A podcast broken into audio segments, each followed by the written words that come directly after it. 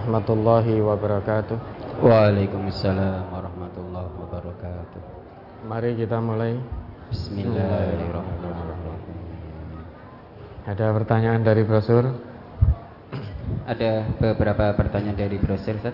Yang pertama dari brosur halaman 2 di surat Al-Baqarah ayat 156. Alladzina idza asabathum musibah qalu inna lillahi wa inna ilaihi raji'un. Yaitu orang-orang yang apabila ditimpa musibah mereka mengucapkan inna lillahi wa inna ilaihi raji'un. Berkaitan dengan ayat tersebut pertanyaannya saat kita diuji dengan yang tidak menyenangkan kita tidak mengucapkan inna lillahi wa inna ilaihi rojiun tetapi dengan menyebut ya Allah dan yang semisalnya. Yang seperti ini apa dibolehkan Ustaz? Ya kalau ingin lengkap eh, sesuai dengan apa yang Allah tunjukkan istirja. Jadi mengembalikan menyerahkan semuanya kepada Allah. Ujian yang tidak menyenangkan kita istirja innalillah. Kalau biasanya ya Allah astagfirullah kan begitu. Ya itu boleh-boleh saja namun kalau kita mau mengikuti ayat ini semua ujian yang tidak menyenangkan kita dituntunkan oleh Allah untuk istirja mengembalikan semuanya kepada Allah. Innalillah. Sesungguhnya kita ini milik Allah Wa inna ilaihi raji'un dan hanya kepada Allah kita kembali. Maka kita istirja penyerahan sepenuhnya totalitas serahkan semuanya kepada Allah. Ya, ada lagi. Kemudian ke halaman 3 eh, tentang kisah Nabi Ayub. Tersebutlah sebuah kisah Nabi yaitu Nabi Ayub alaihissalam Nabi Ayub adalah seorang yang sangat kaya. Nabi Ayub memiliki hewan ternak, budak dan juga tanah. Nabi Ayub juga dikaruniai seorang istri dan anak-anak yang baik dan solihah. Namun pada suatu ketika, atas izin Allah, kawanan iblis menghancurkan dan meluluh lantakkan kekayaan Nabi Ayub. Dari pernyataan ini, Apakah iblis ini berupa manusia yang memiliki sifat iblis atau memang iblis sebagai makhluk halus dan bagaimana iblis menghancurkan meluluh lantakkan kekayaan Nabi Ayub Ustaz. Coba dibaca ayat 41-nya. Wadkur abdana ayyuba. Baik. Wadkur abdana ayyub idnada rabbahu anni masani syaitanu binusbi wa adab. Dan ingatlah akan hamba kami Ayub ketika ia menyeru Tuhannya. Sesungguhnya aku diganggu setan dan kepayahan dan siksaan. Nah. Jadi iblis itu iblis, jin itu wujud. Tapi kalau setan itu tidak wujud. Setan itu sifat. Maka setan itu bisa wujudnya dari jin, dari iblis, atau juga wujud manusia juga bisa setan itu. Jadi setan berwujud manusia atau juga bisa wujud benda juga setan itu.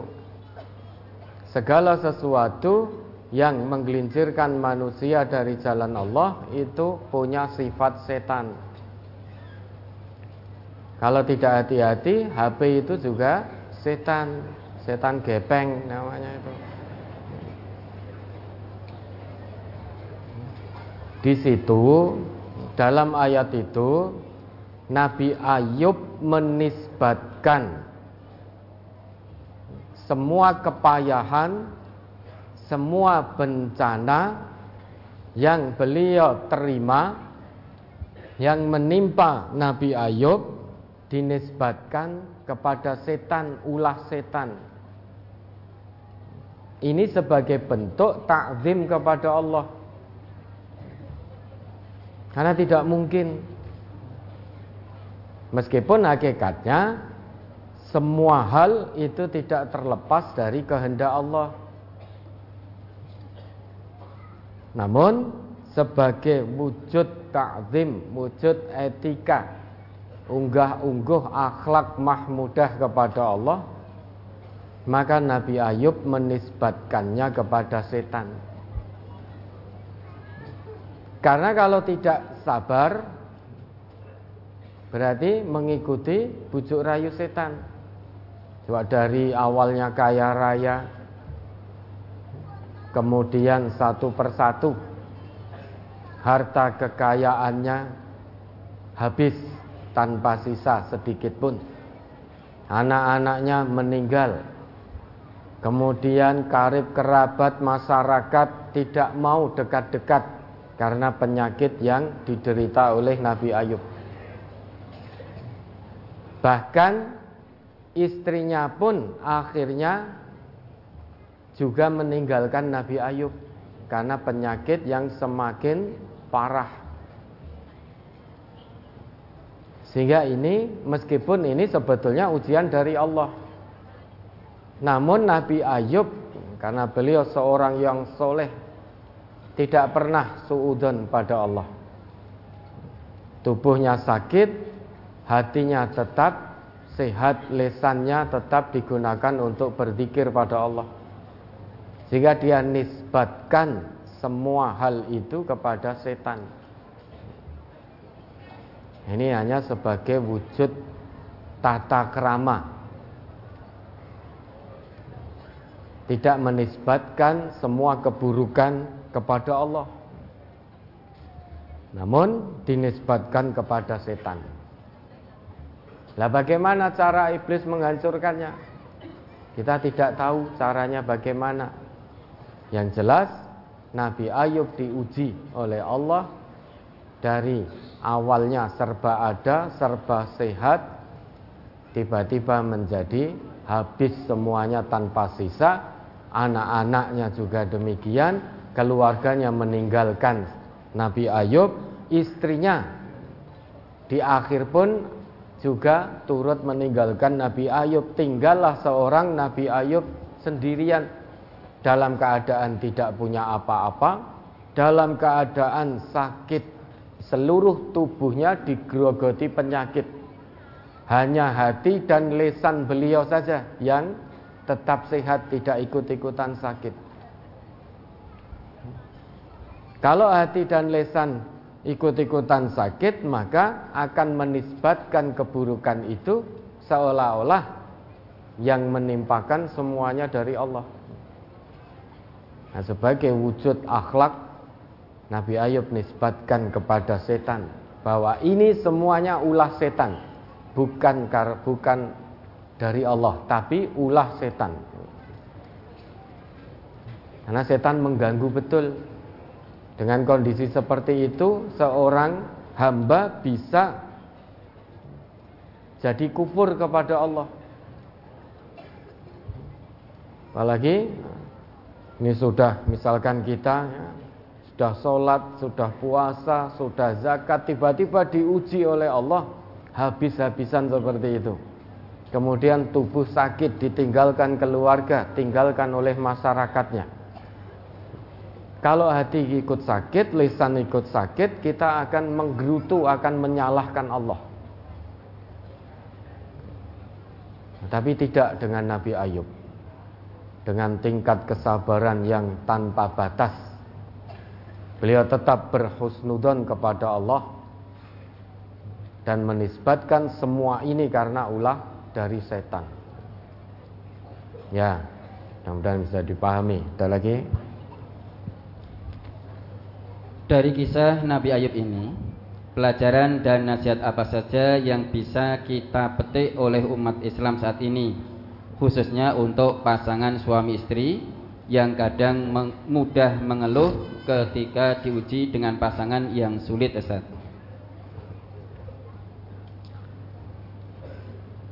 Secara singkat kisah dari Nabi Ayub ini mengajarkan kepada kita tentang kesabaran dan ketawakalan.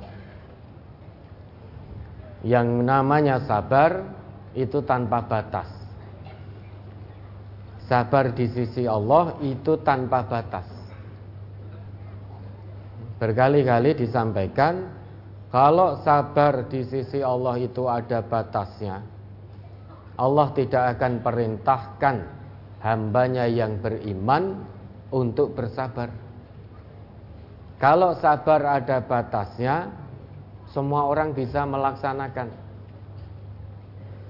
Kalau sabar di sisi Allah itu ada batasnya, niscaya pahalanya tidak besar orang yang bersabar.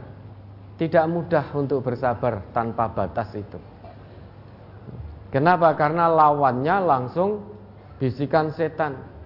Setan itu tidak suka hamba Allah kok bersabar tanpa batas itu nggak suka. Dan memang tidak semua orang bisa untuk bersabar. Hanya orang-orang yang hatinya dipenuhi dengan keimanan yang sodik kepada Allah. Itu yang bisa bersabar tanpa batas. Maka di dalam Quran surat Al-Baqarah ayat 153 itu yang diseru untuk bersabar hamba Allah yang beriman. Ya ayyuhalladzina amanu ista'inu bis sabri was salah. Innallaha ma'as sabirin. Wahai hamba-hamba yang telah menyatakan dirinya beriman. Mintalah tolong pada Allah dengan yang namanya sabar. Sabar ini tanpa batas. Selama kita masih hidup, selama nyawa masih dikandung badan, selama itu pula kewajiban kita adalah bersabar. Karena kita diciptakan oleh Allah, tujuan utamanya ibadah. Ibadah itu bersyukur, bersabar, itu sebagai bentuk ibadah. Bersyukur atas nikmat yang Allah berikan, bersabar atas ujian-ujian yang Allah ujikan kepada kita. Nah, kisah Nabi Ayub ini 18 tahun beliau diuji oleh Allah seperti itu. Menderita satu penyakit yang tidak pernah dialami oleh orang sebelum beliau dan tidak akan dialami oleh orang sesudah beliau. Bukan hanya sebatas tubuhnya sakit saja, hartanya habis, musnah, rumahnya terbakar, ditinggalkan, diasingkan oleh masyarakatnya, kerabatnya juga tidak mau. Bahkan istrinya pun sampai akhirnya terkena bujuk rayu setan hingga meninggalkan Nabi Ayub seorang diri. Namun apa yang terjadi? Ternyata Nabi Ayub tidak berkurang sedikit pun keimanannya dan keyakinannya kepada Allah. Dalam kesendirian dengan penyakit seperti itu, ternyata justru keimanannya semakin meningkat, semakin mantap kepada Allah. Lah ini ibroh berharga yang sangat berharga sampai Allah abadikan di dalam Al-Quran. Tujuannya apa? Zikro liulil albab. Sebagai pelajaran, peringatan bagi orang-orang yang akalnya sehat. Hmm? Mau baru diuji dalam rumah tangga baru diuji sedikit saja ketidakcocokan dengan pasangan mungkin ada sedikit masalah katanya ngaku orang Islam namun sudah luar biasa amarahnya dilampiaskan luar biasa Lah begitu kok pengennya masuk surga Firdaus bersama para nabi, para rasul. Sedangkan sabarnya saja belum terbukti di hadapan Allah.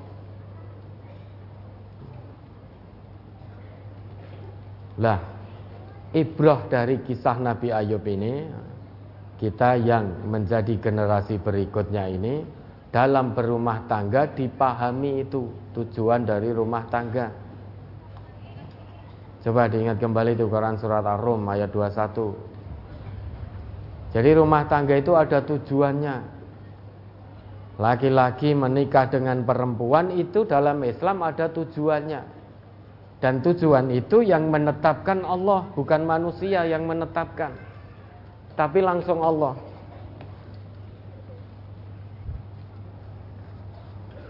Surat Ar-Rum surat ke-30 ayat 21. ومن آياته أن خلق لكم من أنفسكم أزواجا لتسكنوا إليها وجعل بينكم مودة ورحمة Inna fi dzalika laayatil liqaumi yatafakkarun. Dan di antara tanda-tanda kekuasaannya ialah dia menciptakan untukmu istri-istri dari jenismu sendiri supaya kamu cenderung dan merasa tentram kepadanya dan dijadikannya di antaramu rasa kasih dan sayang sesungguhnya pada yang demikian itu benar-benar terdapat tanda-tanda bagi kaum yang berpikir nah Jangan ditutup dulu ya, dilihat ayatnya dulu. Jadi samawa yang sering kita ucapkan sakinah mawaddah warohmah itu ternyata merupakan salah satu tanda-tanda kekuasaan Allah. Tujuan pernikahan itu sakinah mawaddah warohmah menurut Allah. Nah kalau kita mengaku sebagai hamba yang beriman kepada Allah Saat menikah usahakan untuk sakinah, mawadah, warahmah Maka ini perlu dipahami ayat ini. Wa min ayatihi an khalaqalakum min anfusikum azwajan litaskunu ilaiha Pernikahan, perkawinan itu disebut zawajun Artinya keberpasangan. Jadi ini sepasang. Bukan sakar PDW, ini sepasang keberpasangan. Bukan sendiri-sendiri. Maka laki-laki dan perempuan yang sudah menikah berarti dia berpasangan. Bukan hidup sendiri-sendiri. Atau perkawinan itu juga disebut nikahun Nikah itu penyatuan hati, penyatuan jiwa dan raga satu sama lain. Maka kalau laki dan perempuan sudah nikah, itu berarti mereka berdua sudah siap untuk menyatukan langkah, menyatukan tujuan menyatukan cita dan rasa dalam membina rumah tangga sesuai dengan nilai-nilai Quran, nilai-nilai sunnah. Karena nikah itu penyatuan hati, penyatuan jiwa, penyatuan raga. Satu dengan yang lain antara laki-laki tadi dan perempuan. Begitu dia menikah, baik suami maupun istri tadi berarti sudah siap lillahi taala untuk menyatukan hatinya menyatukan pola pikirnya menyatukan sudut pandangnya menyatukan gerak langkah cita dan rasanya sesuai dengan nilai-nilai Quran dan sunnah sehingga kalau ada perbedaan antara suami dan istri, maka rujuknya bukan kepada ego masing-masing, Tapi rujuk pada Allah, rujuk pada Rasulullah. Ini maksud zawaj atau nikah dalam Islam. Kalau ini bisa dilakukan, maka litas kunu ilaiha. Masing-masing akan merasa tentram, condong pada pasangannya. Litas kuno itu dari sakana. Sakana itu diam, diam itu tenang. Setelah sebelumnya guncang dan sibuk. Saat laki-laki ataupun perempuan belum menikah, sudah masuk di usia pernikahan, kadang hatinya guncang. Maka begitu menikah, baik suami itu merasa tentram ketika dekat dengan istri, istri juga begitu merasa tenang ketika dekat dengan suami. Karena hatinya sudah menyatu. Selain itu, Sesudah menikah, terkadang suami sibuk di luar rumah. Saat di luar rumah itulah mungkin datang kepenatan, datang masalah dan lain sebagainya.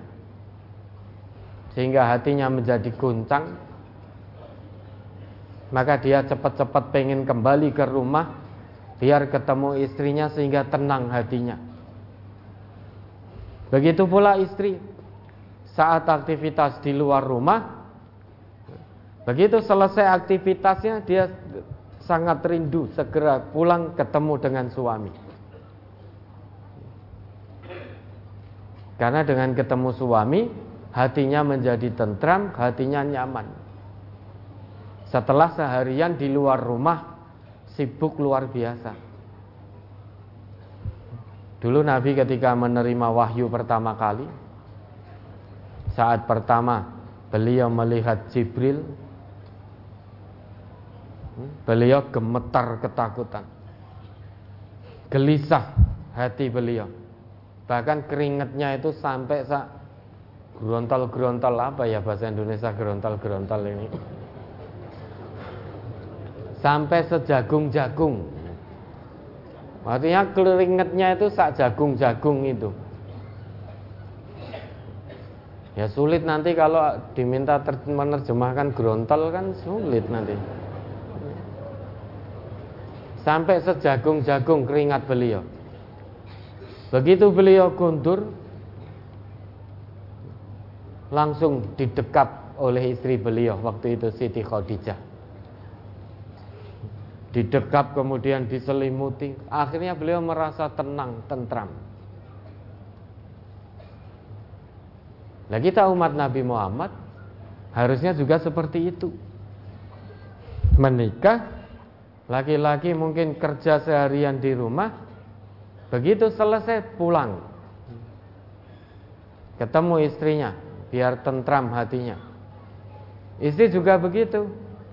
Kalau lihat suaminya pulang, langsung disambut dengan penuh senyum, penuh kebaikan.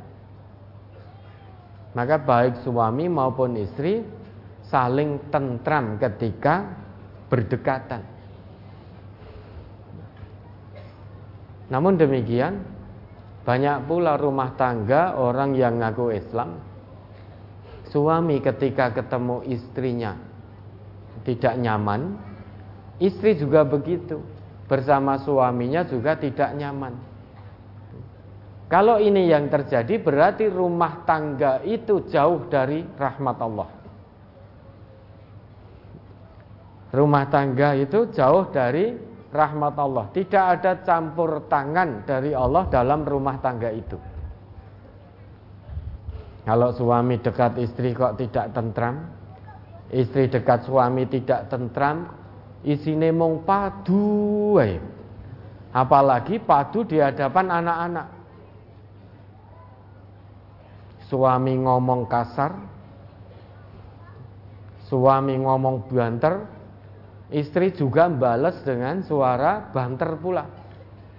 Anaknya masih kecil-kecil dengar iki bapak ibu iki do ngopo. Aku sing cilik meneng Sing tua-tua, cah tua-tua iki malah do ribut dhewe. Sing cah cilik wae meneng gitu. Cah tua ora duwe isin. Enggak punya malu. Di hadapan anak kecil marah-marah, berkata kasar, berkata banter-banteran. Apalagi kalau sampai orang tuanya golek bolo ke anaknya masing-masing. Marahi istrinya. Bucu orang genah ini, ini. ora le. Anaknya bingung. Ibunya juga begitu. Suami gak bertanggung jawab, tidak memberi nafkah, tidak mau bekerja. Urip monggo turu kaya kere lempoh. Ngomong pada an adiknya tadi, anaknya yang nomor dua. Ora le, bapakmu kaya ngono kuwi. Aja ditiru bapakmu. Anaknya bingung akhirnya. Karena orang tua itu madrasah utama bagi anak-anaknya pendidikan utama itu dimulai dari rumah. Bukan di sekolah, bukan. Sekolah itu hanya melanjutkan apa yang ada di rumah. Nah, kalau anak melihat orang tuanya seperti itu, anaknya menjadi bingung. Sing bener sing endi? Bapakku ngono, ibuku ngono. Sing bener sing endi? Akhirnya bingung, akhirnya yang menjadi korban anak. Ini bapak ibu nggak punya malu kalau seperti ini. Ngakunya Islam tapi punya masalah, ada ujian, rujuknya tidak pada Quran Sunnah, namun pada ego hawa nafsunya sendiri-sendiri. Kalau ini terjadi, jangan harap rumah tangga itu akan sakinah. Kalau tidak terwujud sakinah, mustahil ada mawadah, ada rohmah, itu mustahil. Mawadah itu bukan hanya rasa cinta biasa, bukan.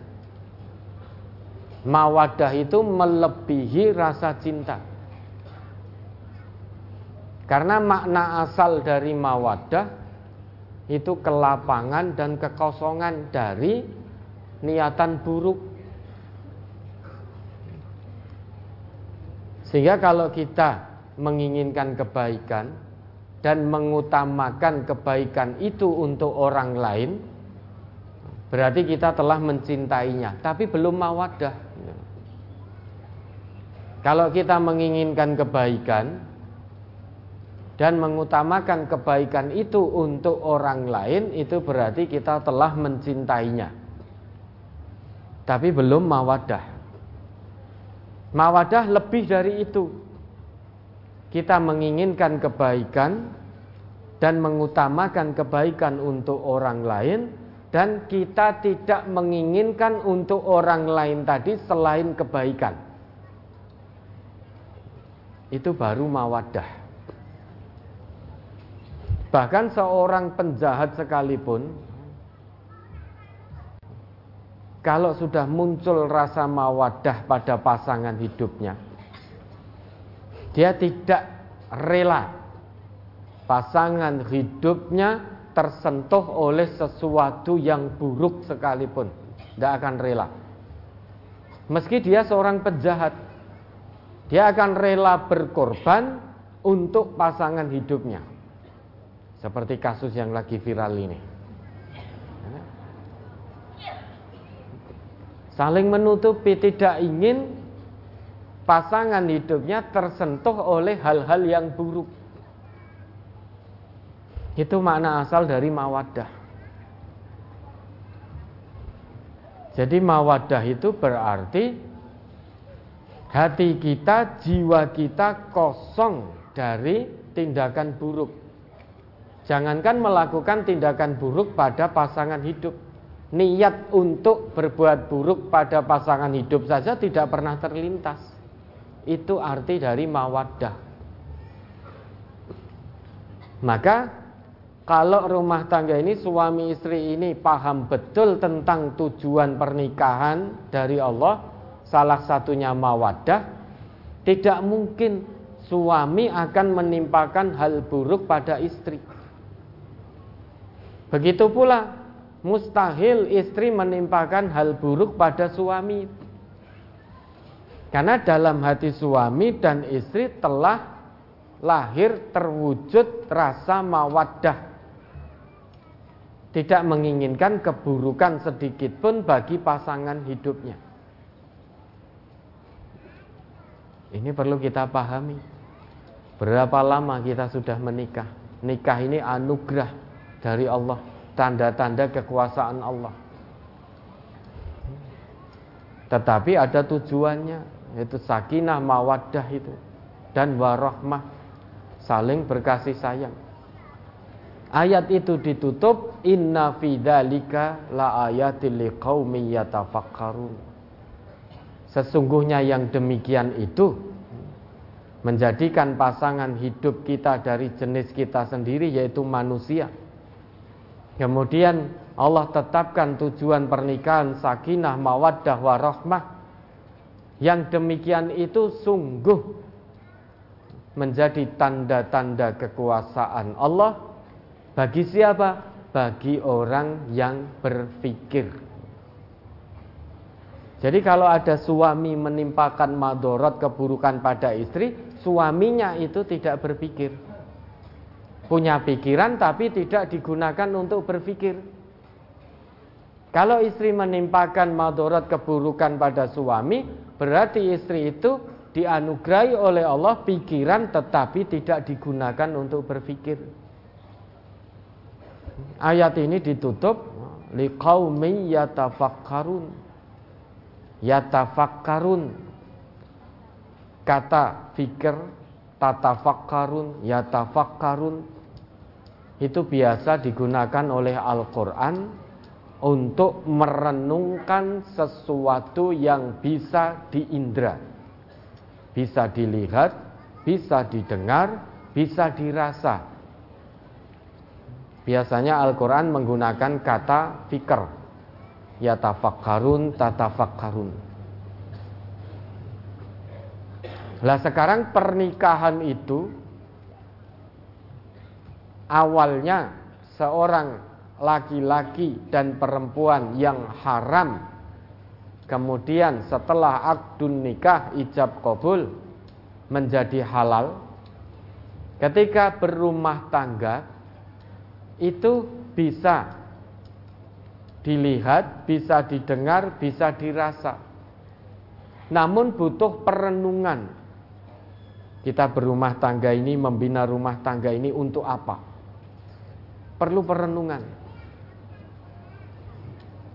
Contohnya begini. Seorang laki-laki sejak hari pertama bahkan detik pertama setelah ijab kabul sejak saat itu seorang suami tiba-tiba ikhlas mendidik istrinya, membimbing istrinya, mengayomi istrinya, menafkahi istrinya lahir batin, mempergauli istrinya dengan cara yang ma'ruf, padahal istri ini tidak ada hubungan apa-apa, belum kenal sebelumnya bahkan. Tapi begitu nikah, laki-laki tadi sanggup dan ikhlas bekerja keras untuk kebahagiaan istri, untuk memberi nafkah istri. Bukankah ini satu hal yang bisa kita renungkan? Dan ini menjadi tanda kekuasaan Allah bagi orang yang berpikir. Coba kita berpikir, kita renungkan. Ada laki-laki yang tidak kenal kemudian menikah dengan seorang perempuan sejak hari itu laki-laki tadi sampai nanti selama dia masih menjadi istrinya laki-laki tadi rela bekerja banting tulang. Gegere sampai ireng-ireng janges-janges juga rela untuk memberi nafkah istri. Apakah ini bukan tanda kekuasaan Allah?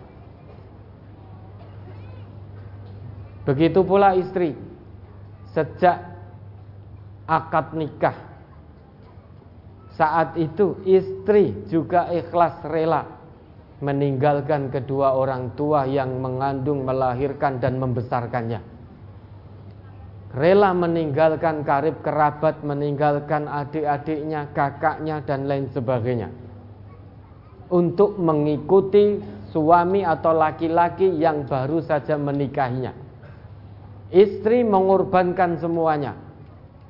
Jauh dari orang tua yang sangat menyayanginya sejak dari kandungan sampai dewasa.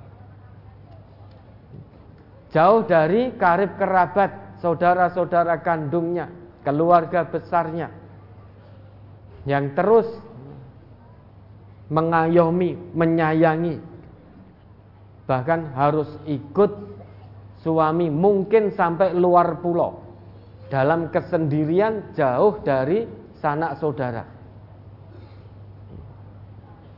Namun setelah akad nikah dia rela ikhlas mengikuti suaminya. Bahkan ada pula istri yang sudah begitu jauh dari keluarga ikut suaminya di luar Jawa Tiba-tiba ternyata suaminya ketok aslinya. Sering mukuli, sering ngonek-ngonek ke. Tapi istri tetap ikhlas menjaga aib suami. Ketika ditanya oleh orang tuanya, si istri tadi karena solehah maka menjawab. Alhamdulillah baik-baik saja. Bagaimana suamimu? Alhamdulillah baik-baik, gemati, sayang dan lain sebagainya. Padahal gemati sing ngantemi,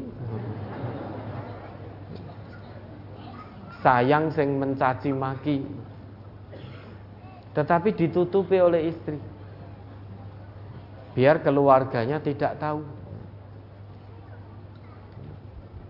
apakah ini bukan tanda kekuasaan Allah yang bisa kita renungkan maka kalau ngaku sebagai hamba Allah yang beriman ikuti nabi kita suri toladan kita itu nabi dalam segala hal termasuk dalam berumah tangga. Nabi kita ngendika khairukum khairukum li ahlihi wa ana khairukum li ahli sebaik-baik dari kalian siapa yang paling baik terhadap istri dan aku orang yang paling baik di antara kalian terhadap istriku. Maka kalau ngaku umatnya Nabi Muhammad ikuti bagaimana cara Nabi mendidik istri, Ikuti bagaimana cara Nabi menyayangi istri-istri beliau. Ikuti bagaimana cara Nabi memperlakukan istri-istri beliau. Jangan ngaku umatnya Nabi Muhammad. Kalau dalam rumah tangga masih terus terjadi KDRT dan lain sebagainya.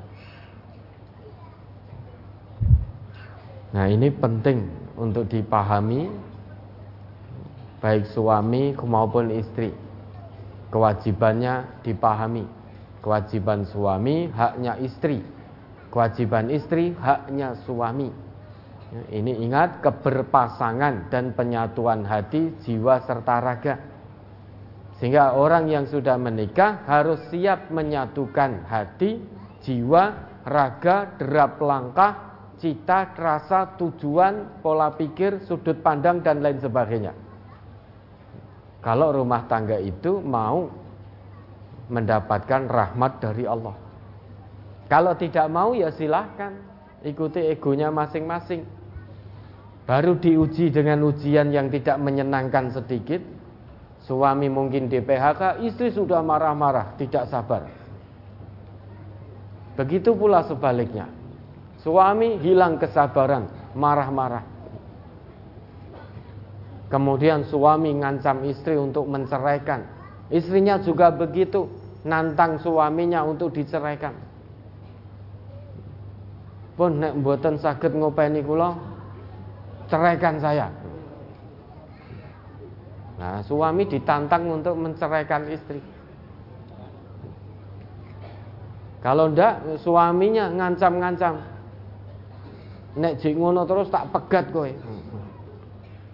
Ini rumah tangga Islam ngakune wong Islam rumah tangga isine mung ngancam pegat dan nantang pegat. Lah kalau rumah tangga hanya mau tantang-tantangan pegatan, ngopo dhisik dadak nikah? Cobalah direnungkan dengan nurani yang bening. Bukan dengan ego hawa nafsu. Ujian dalam rumah tangga itu ujian suami istri bersama itu. Istri sakit itu juga ujian bagi suami. Suami sakit ujian juga bagi istri. Anak-anak sakit itu juga ujian bagi orang tuanya. Maka yang diperlukan sabar dan serahkan semuanya penyelesaiannya hanya kepada Allah. Sabar tanpa batas. Kalau dibandingkan kisah kesabaran Nabi Ayub tadi, sak kuku irengnya kita tidak ada apa-apanya. Coba andai kata kita diuji seperti Nabi Ayub ini. Gantung sudah. Banyak orang diuji baru terhimpit ekonomi, terlilit hutang, itu sudah banyak yang gantung kok. Sudah banyak yang bunuh diri. Tidak kuat, tidak tahan. Apalagi kalau ujian sampai menimpa seperti ini sekujur tubuh sakit, sakitnya tidak main-main, sakitnya sangat berat, hanya bisa berbaring. Namun Nabi Ayub tidak hilang kesabaran. Justru semakin kuat kesabarannya, semakin mantap keimanannya kepada Allah, semakin dekat kepada Allah. Karena hati beliau dipenuhi dengan keimanan. Lesan beliau terus mengingat Allah 18 tahun bukan waktu yang sebentar. Dalam keadaan sakit, diasingkan oleh masyarakat. Tidak ada satupun orang yang mau mendekat. Bahkan keluarganya, istrinya. Itu akhirnya menjauh pula. Anak-anaknya meninggal. Kekayaannya habis. Rumahnya terbakar tanpa sisa. Sehingga tidak punya apa-apa selain hati dan lesan yang senantiasa mengingat Allah. Hanya itu yang dipunya Nabi Ayub. Tapi ternyata dengan kesabaran beliau itulah mendapatkan pembersamaan dari Allah, turun pertolongan dari Allah. Innallah ma'as sabirin. Hanya orang-orang yang bersabar tanpa batas sajalah yang akan dibersamai oleh Allah. Kalau ingin mendapatkan pembersamaan dari Allah, sabar tanpa batas. Kalau sudah mendapatkan pembersamaan dari Allah, tidak ada yang lebih indah daripada pembersamaan Allah kepada kita. Dunia akhirat selamat, bahagia. Ya, mudah-mudahan bisa dipahami. Ada lagi? Pertanyaan berkaitan dengan brosur cukup. Tetapi sebelum masuk ke pertanyaan akad yang kemarin ada sebuah panggilan kepada Bapak Tukijo dan Ibu Siti dimohon untuk pulang mendahului karena ada saudara yang meninggal. Ya, monggo Bapak Tukijo dan Ibu Siti. Maka ini karena ada saudaranya yang meninggal dunia, tidak perlu kemerungsung, tidak perlu panik. Jadi silahkan tempuh perjalanan dengan penuh ketenangan. Ya, monggo boleh diizinkan untuk mendahului. Baik, ada lagi, mari kita masuk pertanyaan yang tertunda. Ya. Nomor 18 Ustaz. Tolong Pak Ustaz, apa arti dari minimum tiga? Al Ustaz almarhum suka ngendiko bacaan rukuk dan sujud itu minimal eh, minimum tiga. Minimum tiga itu apa tuh? Paling sedikit bacaan rukuk dan sujud itu diulang tiga kali. Di dalam hadis riwayat At-Tirmidzi nanti Bapak Ibu bisa buka juz 1 halaman 164 kalau tidak keliru hadis nomor 260. Hadis dari Ibnu Mas'ud, Ali bin Mas'udin anna nabiyya sallallahu alaihi wasallam qala. Dari Ibnu Mas'ud bahwasanya Nabi sallallahu alaihi wasallam beliau bersabda Idza raka'a ahadukum faqala fi ruku'ihi subhana rabbiyal azim salasa marratin faqad tamma ruku'uhu wa dzalika adnahu Idza raka'a ahadukum. Apabila salah seorang di antara kalian ruku faqala fi ruku'ihi. Kemudian dalam rukuknya dia membaca Subhana Rabbiyal Azim Salasa marratin Tiga kali membaca Subhana Rabbiyal Azim Fakot tamma ruku'uhu. Sungguh rukuknya telah sempurna. Wadhalika adnahu Tiga kali itu yang paling sedikit. Wa idha sajada. Dan apabila dia sujud Faqala fi sujudihi subhana rabbiyal a'la salasa marratin. Dia mengucapkan dalam sujudnya subhana rabbiyal a'la tiga kali. Faqad tamma sujuduhu. Sungguh sujudnya telah sempurna wadzalika adnahu jadi itu yang paling sedikit hadis ini dapat kita temukan dalam riwayat Imam At-Tirmidzi juz 1 halaman 164 nomor hadis 260. Hadis ini dhaif. Sanatnya mungkotik terputus.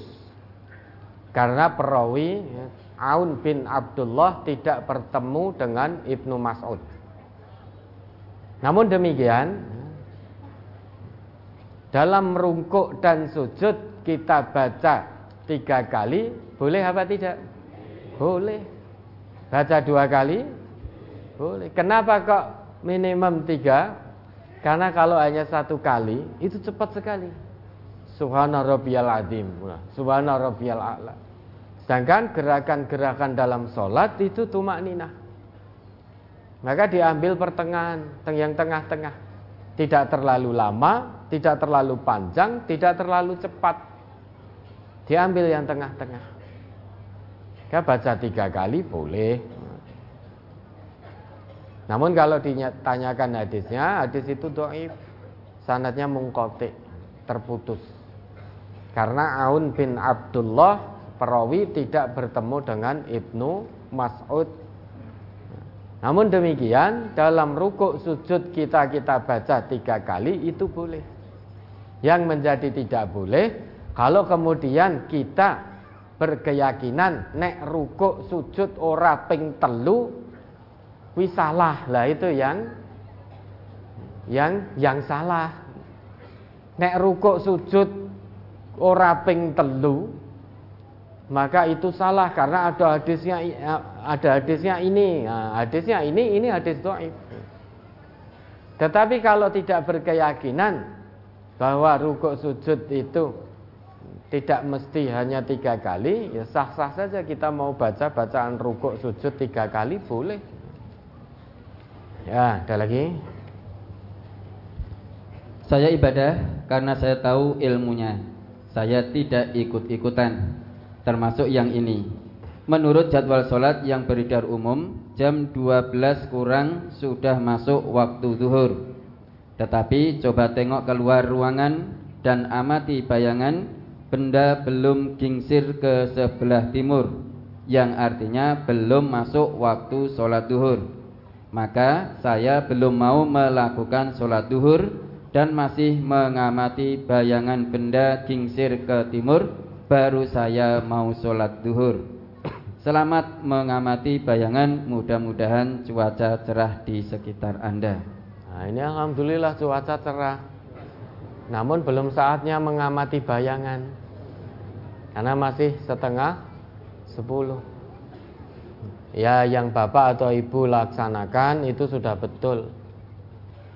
Memang waktu zuhur itu kalau bayangan sudah condong ke timur Matahari sudah tergelincir condong ke barat Kata Nabi kita Waktu zuhri idha zalatis syamsu Waktu duhur itu kalau matahari sudah condong.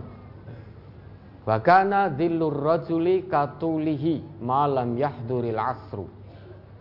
Dan jika bayangan seseorang itu sama tegaknya, sama panjangnya. Dan selama belum tiba waktu asar itu waktu sholat duhur. Kapan itu waktu asar? Waktu sholatil asri malam tasfar syamsu.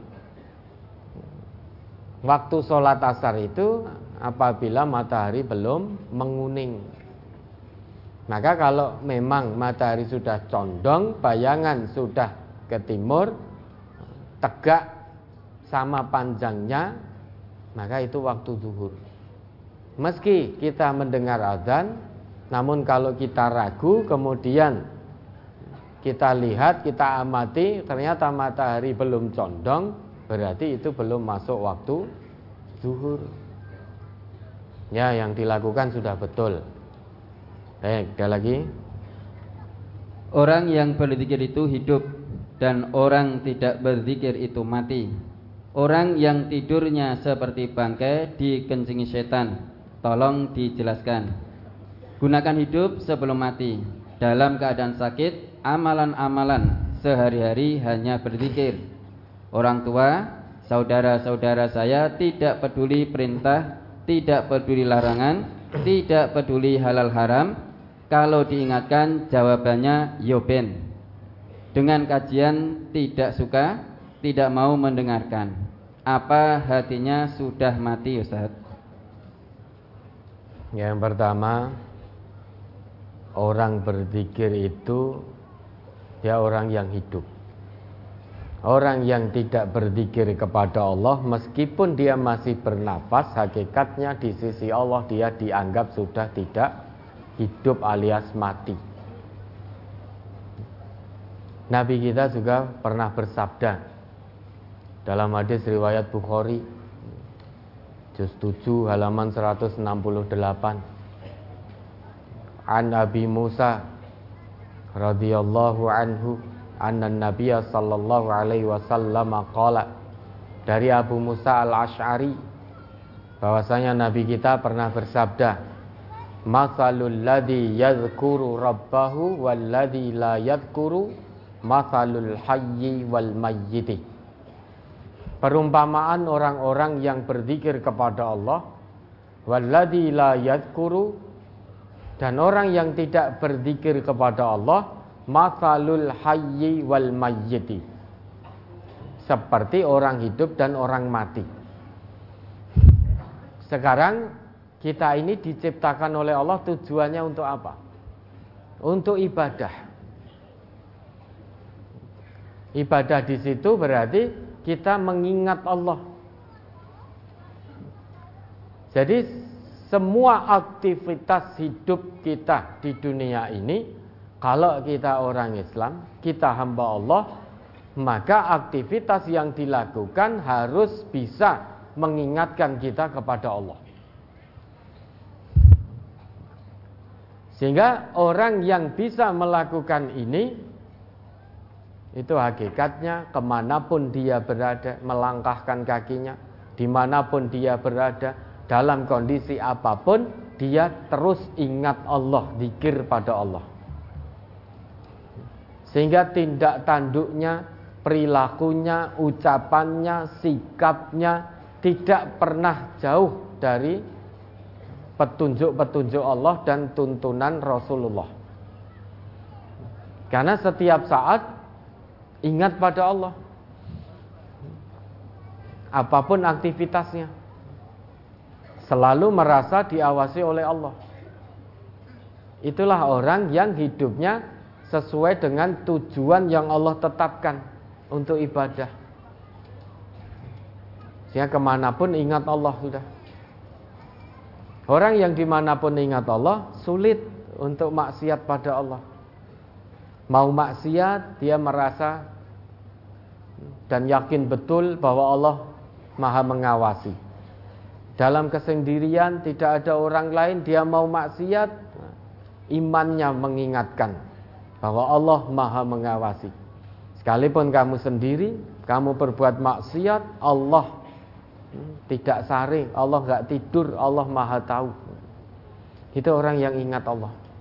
Sehingga ucapannya, perbuatannya, perilakunya, tindak tanduknya itu dikendalikan oleh aturan agama Allah ini. Bukan dikendalikan oleh hawa nafsu. Orang yang hidupnya dikendalikan hawa nafsunya, baik ucapannya, perilaku perbuatannya, itu di sisi Allah dianggap sudah mati sudah. Karena dia sudah keluar dari tujuan penciptaannya. Dia manusia diciptakan untuk ibadah. Tetapi menjalani hidup di dunia sebagai amanah dari Allah ini justru yang dikedepankan adalah hawa nafsunya. Tidak ingat Allah lagi dah. Allah ingatkan untuk mencari rezeki secara halal dan toyib tidak peduli. Allah ingatkan tentang riba, dia tidak peduli, yang penting dapat uang. Allah ingatkan jangan dekat-dekat zina, dia tidak peduli, yang penting terpuaskan hawa nafsunya. Allah larang ini itu ini itu nggak peduli, yang penting dia ikut terus hawa nafsunya. Meski dia masih punya nyawa, bisa ke sana kemari, masih bisa bicara, masih bisa bernafas, namun dia sudah dianggap mati oleh Allah. Ini perumpamaan orang hidup yang senantiasa ingat pada Allah dan orang hidup yang tidak ingat dengan Allah. Seperti orang hidup dan orang mati. Kemudian orang yang tidur telinganya dikencingi setan. Itu gambarannya dalam hadis Nabi itu Orang yang tidur semalaman sampai pagi dia tidak bangun sehingga malam hari tidak mendirikan sholat malam. Orang yang tidurnya seperti itu kata Nabi, ya, dia tidur semalam suntuk sampai pagi, malam hari dia tidak bangun untuk sholat malam, itu telinganya dikencingi setan. An Abdillahi dari Abdullah bin Mas'ud Zukira inda Rasulillah sallallahu alaihi wasallam rajulun nama lailatan hatta asbaha. Disebutkan di sisi Rasulullah sallallahu alaihi wasallam seorang laki-laki yang tidur semalaman tanpa bangun sampai pagi. Tidak bangun untuk mendirikan sholat malam. Dia tidur sampai pagi. Mendengar itu Nabi kita bersabda, Zaka rajulun balas syaitonu fi uzunaihi au qala fi uzunihi.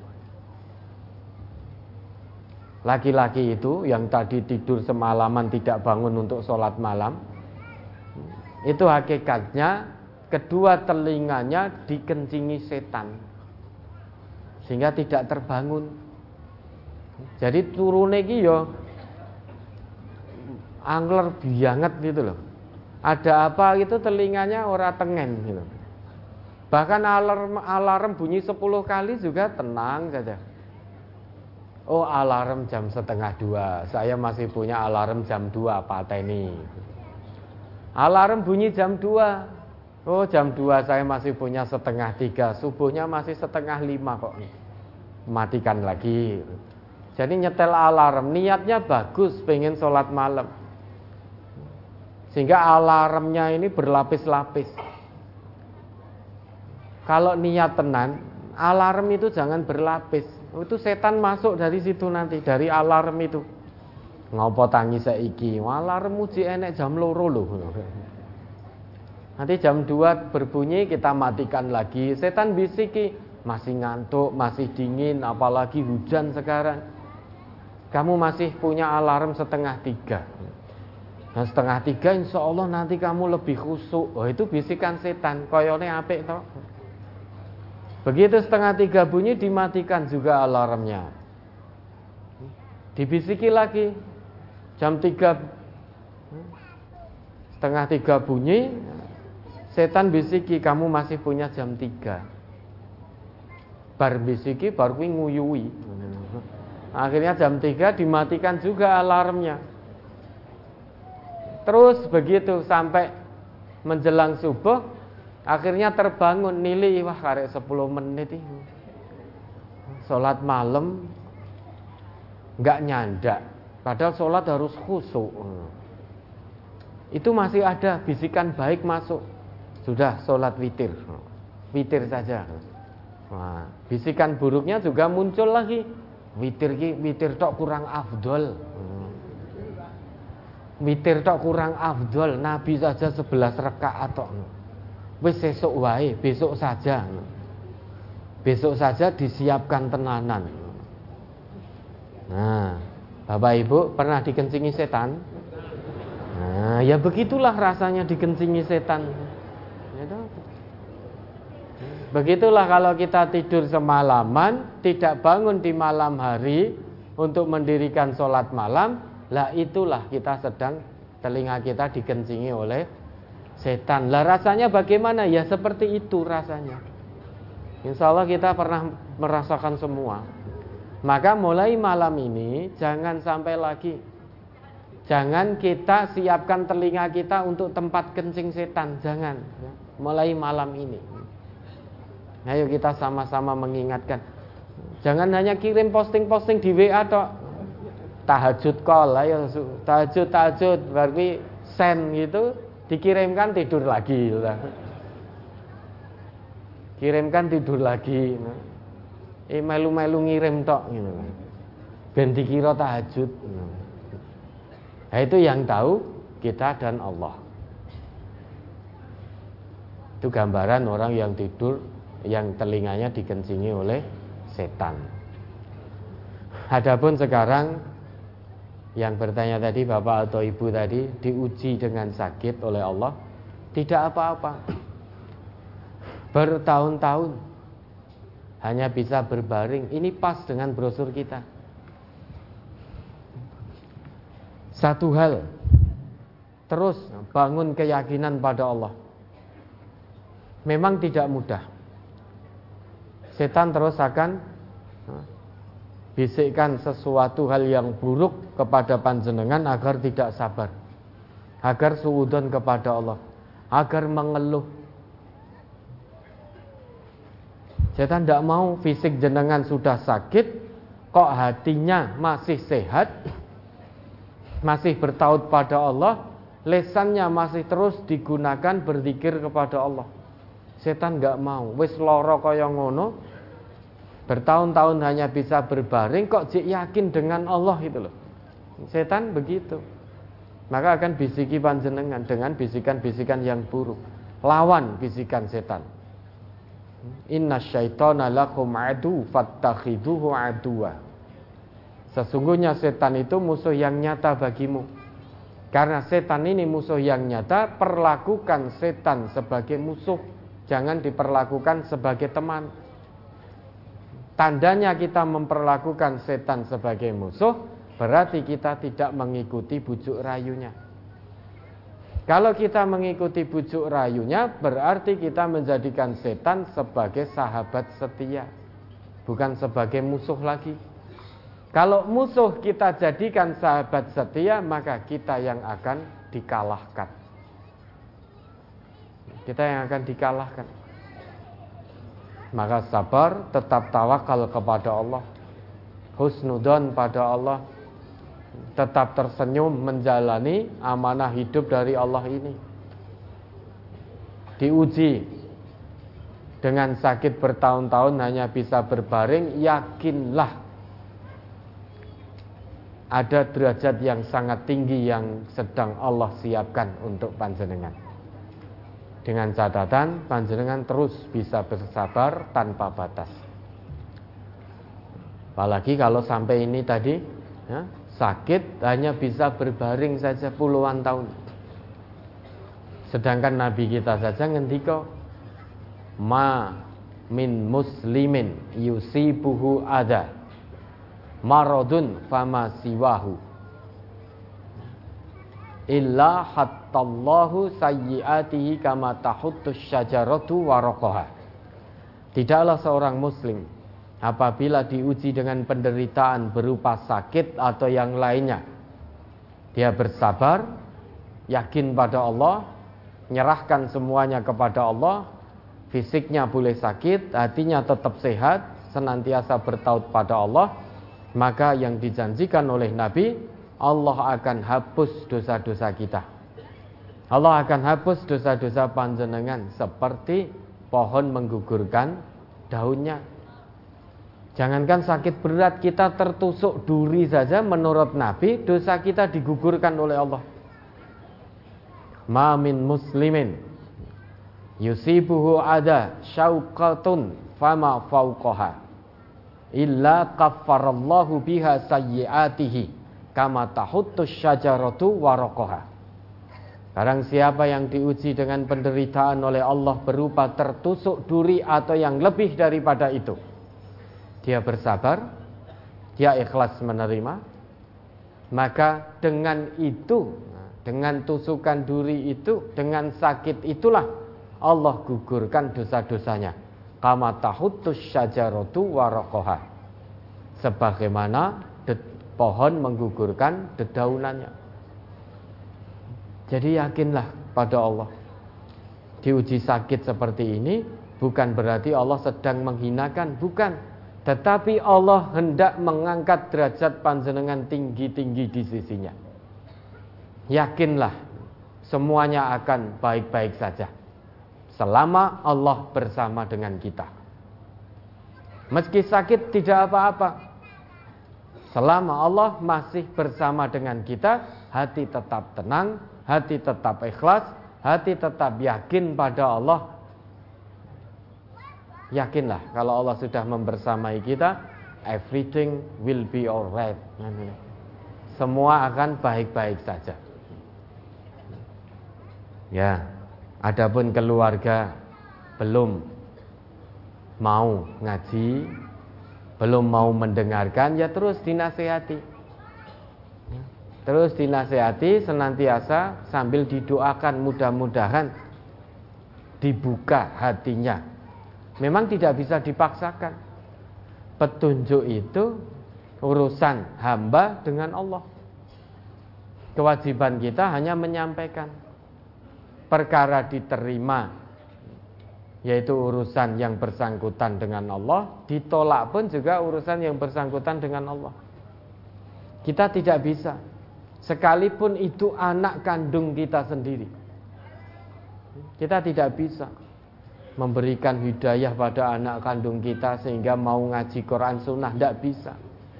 Nabi Nuh seorang nabi, seorang rasul tidak kuasa memberi hidayah anaknya yang mati dalam kekafiran tidak kuasa memberi hidayah pada istrinya. Itu Nabi Nuh. Nah kita masih banyak dosa.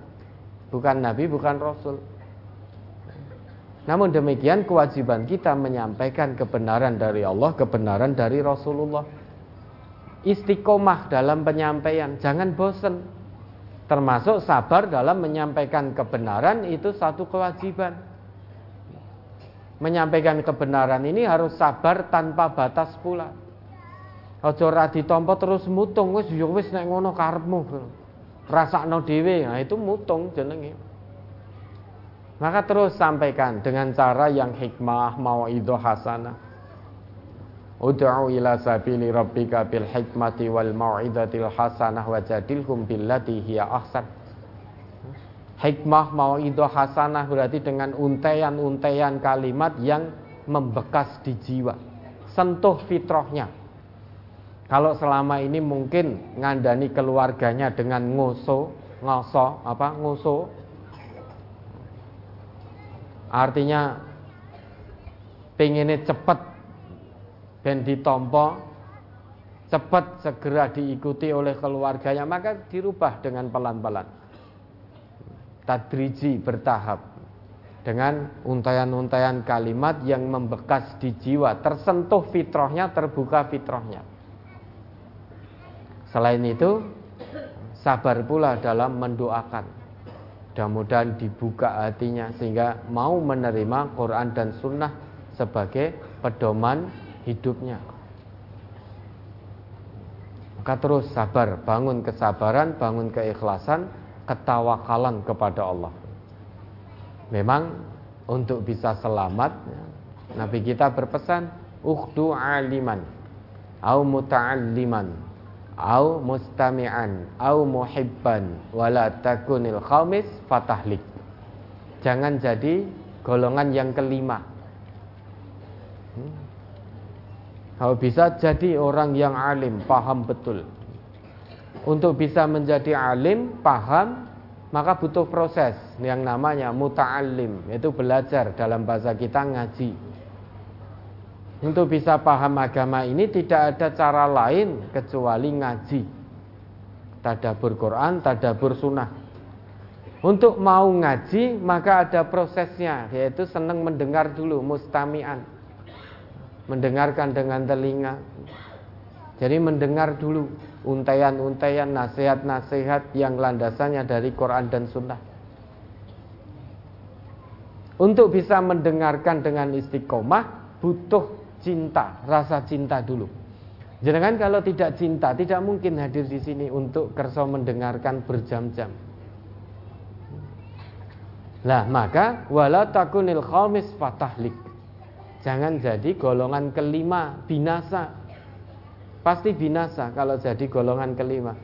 Tidak suka Quran sunnah diterangkan, ora seneng karo wong ngaji Quran. Tidak suka dengan orang yang ngaji Quran sunnah benci dengan orang yang mengamalkan Quran Sunnah, dianggap orang umum, dianggap orang nyedulur dan lain sebagainya dan lain sebagainya. Maka jangan jadi golongan yang kelima. Jadi orang alim untuk bisa alim butuh proses. Butuh proses. Semuanya bisa jadi orang alim. Orang alim itu orang yang paham agama dan mengamalkan dengan totalitas apa yang dipahaminya. Itu orang yang alim. Untuk mengarah sana butuh proses yang disebut muta'alim tadi menjadi pembelajar. Untuk menjadi pembelajar salah satu dia harus mau mendengarkan. Untuk bisa mendengarkan istiqomah dia harus punya rasa cinta dulu pada apa yang akan didengarkan. Kalau rasa cinta saja tidak ada, maka dia jadi golongan kelima. Orang seneng ngrungokke Quran Sunnah diterang-terangke. Malah memfitnah, menyesat-nyesatkan dan lain sebagainya. Itu berarti tidak suka Quran Sunnah dijelas-jelaskan. Padahal yang ditinggalkan Nabi, warisan Nabi pada kita ya hanya dua itu. Nabi tidak meninggalkan harta, tapi Nabi mewariskan ilmu. Jika kita pegang teguh pada keduanya sampai kita mati, lantadillu. Sekali-kali kamu tidak akan pernah sesat selamanya. Dunia selamat, akhirat selamat. Dua warisan Nabi, kitab Allah wa sunnata Nabi, Quran dan sunnah sudah itu warisan Nabi. Ya, mudah-mudahan ya, keluarganya hatinya dibuka oleh Allah sehingga bisa menerima kebenaran Quran, kebenaran sunnah dan menjadi komitmen dalam hidupnya. Hidup tanpa Quran dan sunnah kita akan tersesat. Salah langkah, salah arah. Karena yang akan membawa kita selamat ya Quran ya sunnah itu. Ya, ada lagi? ke akad berikutnya Ustaz, pertanyaan akad berikutnya. Ya. Apakah orang yang belum menunaikan nazar atau sumpah amalannya tidak diterima Allah Ustaz? Bukan begitu maksudnya. Itu maksudnya orang itu kalau punya nazar atau sumpah. Kalau sumpah atau nazar itu baik, maka segera ditunaikan nazar atau sumpah itu. Namun jika nazar atau sumpahnya itu buruk, segera dibatalkan dan bayar kafaroh. Karena kalau tidak bayar kafaroh akan dimintai pertanggungjawaban nanti di hadapan Allah. Lah kafaroh nadar menurut Nabi sama dengan kafaroh sumpah. Kafaratun nadri, kafaratul yamin. Kafaroh nadar itu sebagaimana kafaroh sumpah. Kalau kita bersumpah atau bernadar, kemudian kita batalkan, kewajiban kita membayar kafaroh. Kafaroh nadar sama dengan kafaroh sumpah. Kafaroh sumpah Allah sebutkan dalam Quran surat Al-Maidah ayat 89. Coba diingat itu. Itu kafaroh sumpah. Kafaroh nadar sama dengan kafaroh sumpah. Surat Al-Maidah surat kelima ayat 89.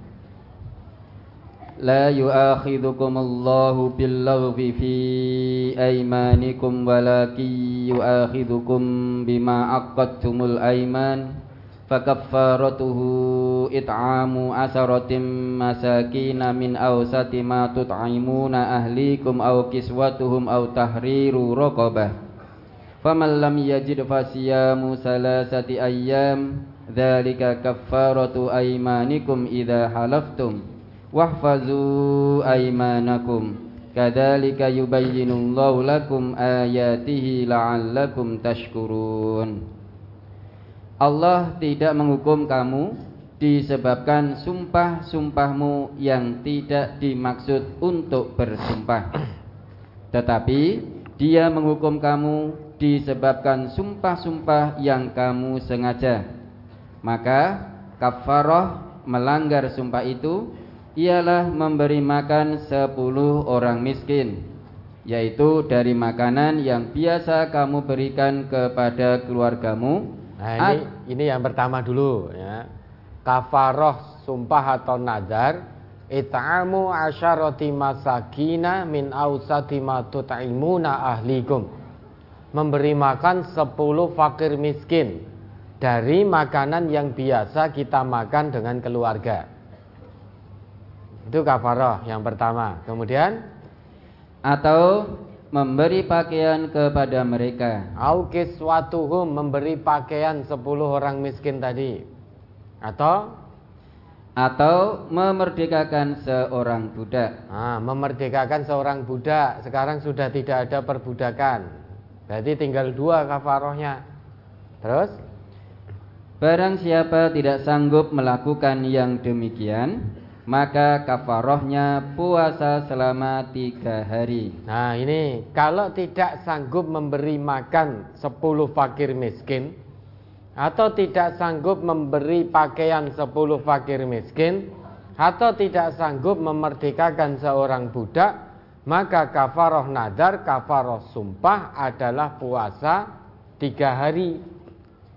Seorang yang Allah mampukan ekonomi kalau dia berjanji atau bernadar, dia bersumpah atau bernadar, kemudian dilanggar, kok karena eman duwite kalau untuk memberi makan 10 fakir miskin, terus wis tak poso weh. Itu tidak diperkenankan. Karena dia punya kemampuan untuk memberi makan 10 fakir miskin atau memberi pakaian 10 fakir miskin tadi. Kalau memang tidak mampu betul baru memerdekakan budak juga tidak mampu karena sekarang sudah tidak ada perbudakan baru puasa tiga hari. Terus yang demikian itu adalah kafarah sumpah-sumpahmu bila kamu bersumpah dan kamu langgar dan jagalah sumpahmu. Demikianlah Allah menerangkan kepadamu hukum-hukumnya agar kamu bersyukur kepadanya. Ya. Kalau sumpah maka dijaga. Kalau nadar jaga, tunaikan kalau sumpah dan nadarnya baik. Wahfadu aimanakum. Dan jagalah sumpah-sumpahmu. Tapi kalau memang membatalkan sumpah atau nadarnya zalika kafaratu aimanikum idza halaftum maka harus bayar kafaroh. Jangan seneng sumpah kalau tidak sanggup jaga. Jangan seneng nadar kalau tidak sanggup. Sidik-sidik nadar. Lamar pekerjaan demi Allah wallahi saya bernadar kalau diterima nanti gajian pertama akan saya sedekahkan semuanya. Begitu gajian tenanan, lah kok oke. Okay. Eman-eman. Jadi koyo-koyo gitu. Atau kalau sakit, demi Allah, kalau aku sembuh dari penyakitku ini, aku akan eh, ikut infak membangun masjid sekian puluh juta. Allah beri kesembuhan, jadi eman-eman. Eh, maka jadi eman-eman. Padahal itu sumpah atau nadarnya baik. Nah sekarang jangan tawar menawar lah pada Allah.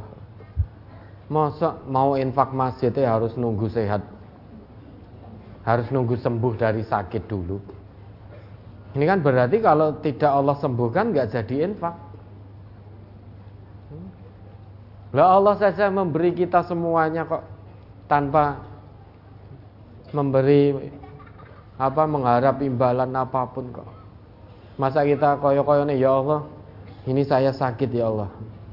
Jika engkau sembuhkan aku ya Allah, aku akan infak. Koyo-koyo nih Allah butuh infak kita.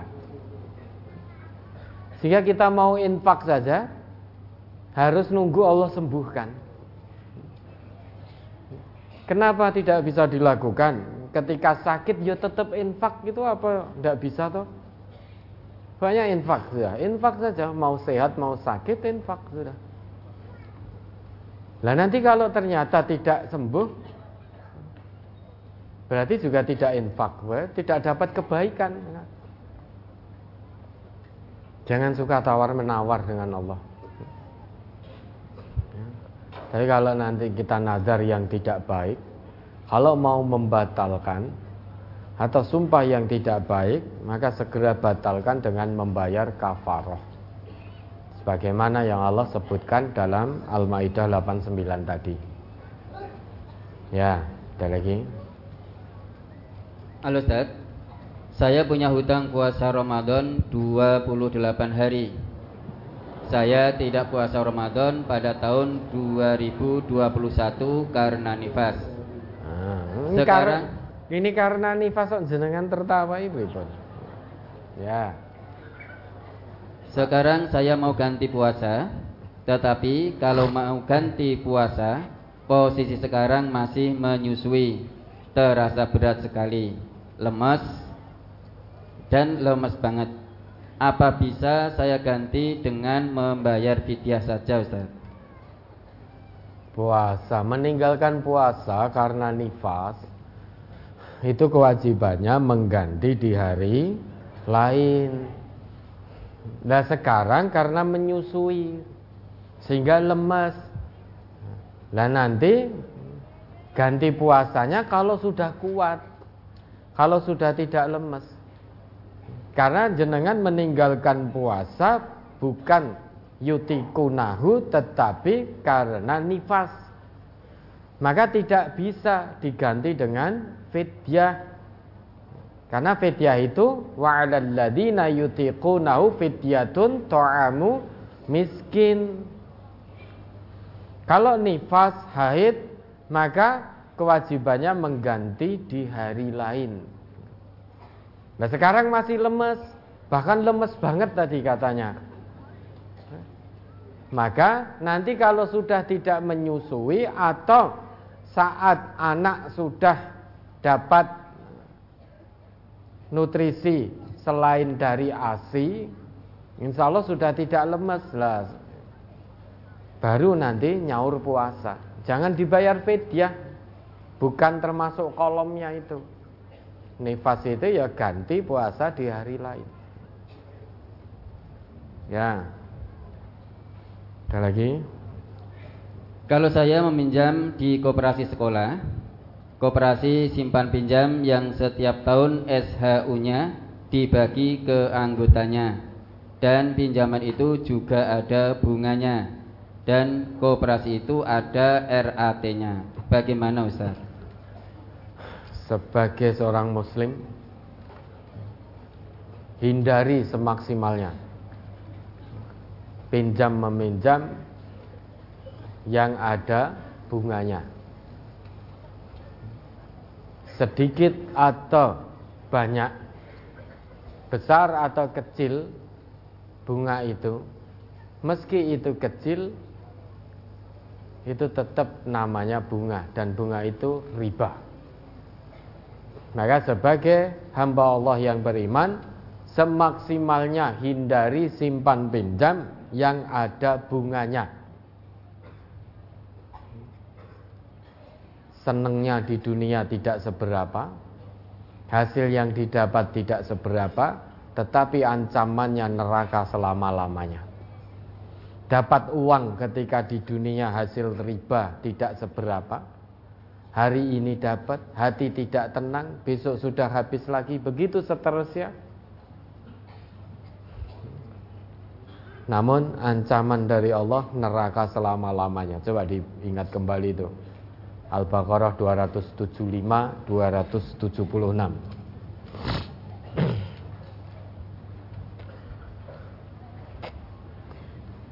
Surat Al-Baqarah surat kedua ayat 275 dan 276. Alladzina ya'kuluna ar-riba la yaqumuna illa kama yaqumul ladzi yatakhabbathu asy-syaitanu minal mas Dzalika bi annahum qalu innamal bai'u mislur riba wa ahalallahu al-bai'a wa harrama ar-riba.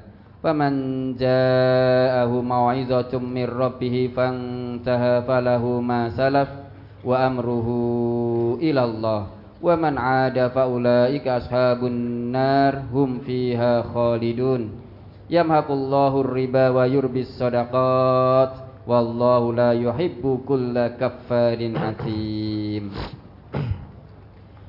Orang-orang yang makan atau mengambil riba tidak dapat berdiri melainkan seperti berdirinya orang yang kemasukan syaitan lantaran tekanan penyakit gila. Nah, orang yang terlibat praktek ribawi hidupnya tidak tenang hatinya tidak tenang. Digambarkan oleh Allah di sini, alladzina ya'kuluna riba la yaqumuna illa kama yaqumul ladzi yatakhabbatu syaitanu minal mas. Dia berdiri saja seperti sempoyongan. Seperti orang yang gila. Kerasukan setan karena tekanan gila. Hatinya tidak tenang secara maknawi Orang yang terlibat praktek ribawi, dia hidupnya tidak tenang. Hatinya senantiasa gelisah setiap saat. Baik yang ngutangi, dia juga gelisah, nek duit tera dibalik ke. Yang hutang riba, dia juga semakin gelisah setiap hari ditagih. Didatangi bahkan sampai tinggal di rumahnya sendiri pun takut. Sehingga hidupnya tidak tenang. Orang yang makan riba atau terlibat praktek ribawi.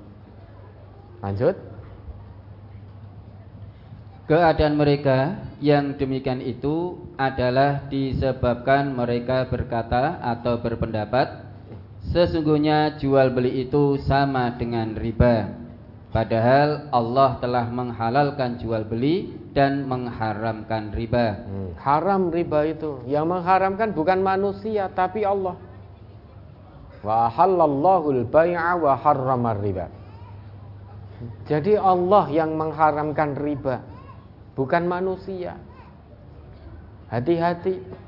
Untungnya tidak seberapa, tapi melanggar apa yang Allah haramkan. Dengan dalih bunganya kecil, prosesnya mudah, dan lain sebagainya dan lain sebagainya. Terus Orang-orang yang telah sampai kepadanya larangan dari Tuhannya Lalu terus berhenti dari mengambil riba Maka baginya apa yang telah diambilnya dahulu yakni sebelum datang larangan. Nah, faman ja'ahu mau'idatum mir rabbih fantaha falahu ma salaf wa amruhu ilallah. Barang siapa yang telah sampai kepadanya peringatan-peringatan dari Allah dan Rasulullah tentang riba. Ancaman-ancaman tentang riba. Kalau sudah sampai peringatan ini kepada dirinya, fantaha kemudian dia menghentikan total praktek ribawi, tidak melakukan lagi, maka falahu salaf. Baginya apa yang sudah dia pungut dulu ketika belum tahu peringatan tentang riba. Misalkan ada orang meminjamkan uangnya pada orang lain dengan tambahan pengembalian bunga. Karena belum tahu ini peringatan tentang riba, ancaman tentang riba. Seiring berjalannya waktu, sampailah peringatan tentang riba kepada dirinya. Begitu sampai peringatan itu, orang tadi langsung menghentikan. Tidak lagi terlibat riba. Lah keuntungan atau bunga yang dulu dia dapatkan dari temannya itu tidak berkewajiban untuk dikembalikan falahu salaf bagi dirinya apa yang sudah dia pungut ketika belum tahu tentang peringatan riba larangan riba wa amruhu ilallah. Urusannya nanti terserah Allah. Lanjut. Orang yang mengulangi atau mengambil riba maka orang itu adalah penghuni-penghuni neraka. Mereka kekal di dalamnya. Ya dah waman ada. Tapi setelah tahu larangan riba, ancaman riba, kok ternyata dia mengulangi? Hanya karena kepingin mendapatkan uang. Mungkin anaknya sedang sakit. Atau anaknya belum bayar SPP atau untuk kebutuhan. Sedang dia tidak memegang uang sama sekali kemudian setan masuk. Kalau begitu kamu pinjam ini saja mudah prosesnya. Hanya dengan fotokopi KTP saja bisa cair. Tidak butuh lama setengah jam langsung cair. Pinjaman-pinjaman online itu. Ke bank plecet rentenir. Itu kan prosesnya cepat-cepat sekali. Hanya KTP nek ra KTP KTP koncone ya oleh nyilih KTP koncone setan akan masuk sudah ambil saja karena kamu harus bawa anakmu ke dokter ke rumah sakit ambil saja karena besok harus bayar SPP, harus bayar uang muka untuk kuliah. Nanti nek enggak kamu bayar anakmu tidak jadi diterima di situ. Dihitung mengundurkan diri. Sudah terima saja. Bisikan baik muncul, tapi itu riba. Diharamkan oleh Allah, dilaknat oleh Allah dan Rasul. Setannya masuk lagi. Alah, surah apa-apa. Kepepet iki. Riba ya ora apa-apa, witekno sapa sing arep bayari. Ini kalau kamu ndak ngambil, sudah rugi kamu. Anakmu nggak jadi diterima di kuliah itu, nggak bisa membawa ke rumah sakit dan lain sebagainya dan lain sebagainya. Singkat cerita, dia ambillah pinjaman riba. Kembali terlibat dalam praktek ribawi hanya gara-gara ingin mendapatkan keuntungan dunia yang sesaat. Waman ada faulaika ashabun narhum fiha khalidun kata Allah begitu. Barang siapa yang kembali mengulangi praktek riba Memang akan dia dapatkan keuntungan dunia yang sesaat dan menipu itu. Namun selain dia dapatkan itu keuntungan dunia yang menipu, pada saat yang bersamaan Allah siapkan neraka jahanam untuk nanti dia tempati ketika datang hari perjumpaan dengan Allah. Faulaika ashabun narhum fiha khalidun kekal selama-lamanya di situ. Seneng ning dunia rasa piro. Dunia ini hanya sementara, semuanya akan mati. Tapi banyak orang mengejar keinginan dunia, riba sekalipun ditempuh, diterjang. Sing penting dapat keuntungan dunia. Meski yo tahu bahwa keuntungan dunia ini mata'un qalil, mata'ul ghurur, kecil dan menipu. Ma indakum yanfadu, juga tahu pasti akan musnah, akan ditinggalkan keuntungan dunia ini namun tidak peduli. Mas riba yo ben. Yang penting untuk duit iso bayar kuliah sehingga anak saya diterima di kampus itu bisa ngobatkan anak saya dan lain sebagainya dan lain sebagainya. Ya, berarti tidak yakin pada Allah. Ar-Razzaqnya sudah bukan Allah lagi. Tapi Ar-Razzaqnya bang plecet, lembaga keuangan yang eh, tidak syariah.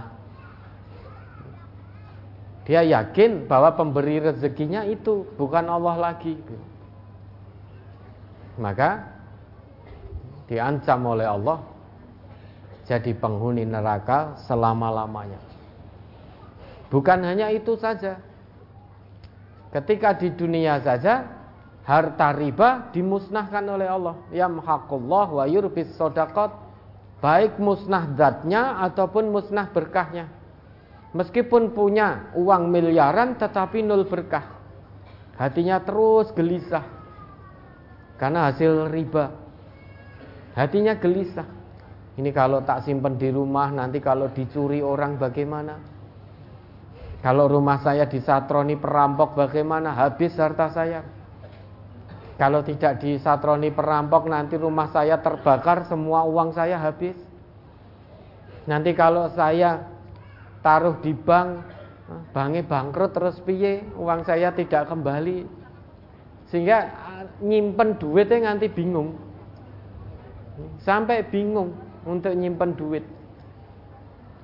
Sehingga hatinya tidak tenang. Karena tidak ada berkah.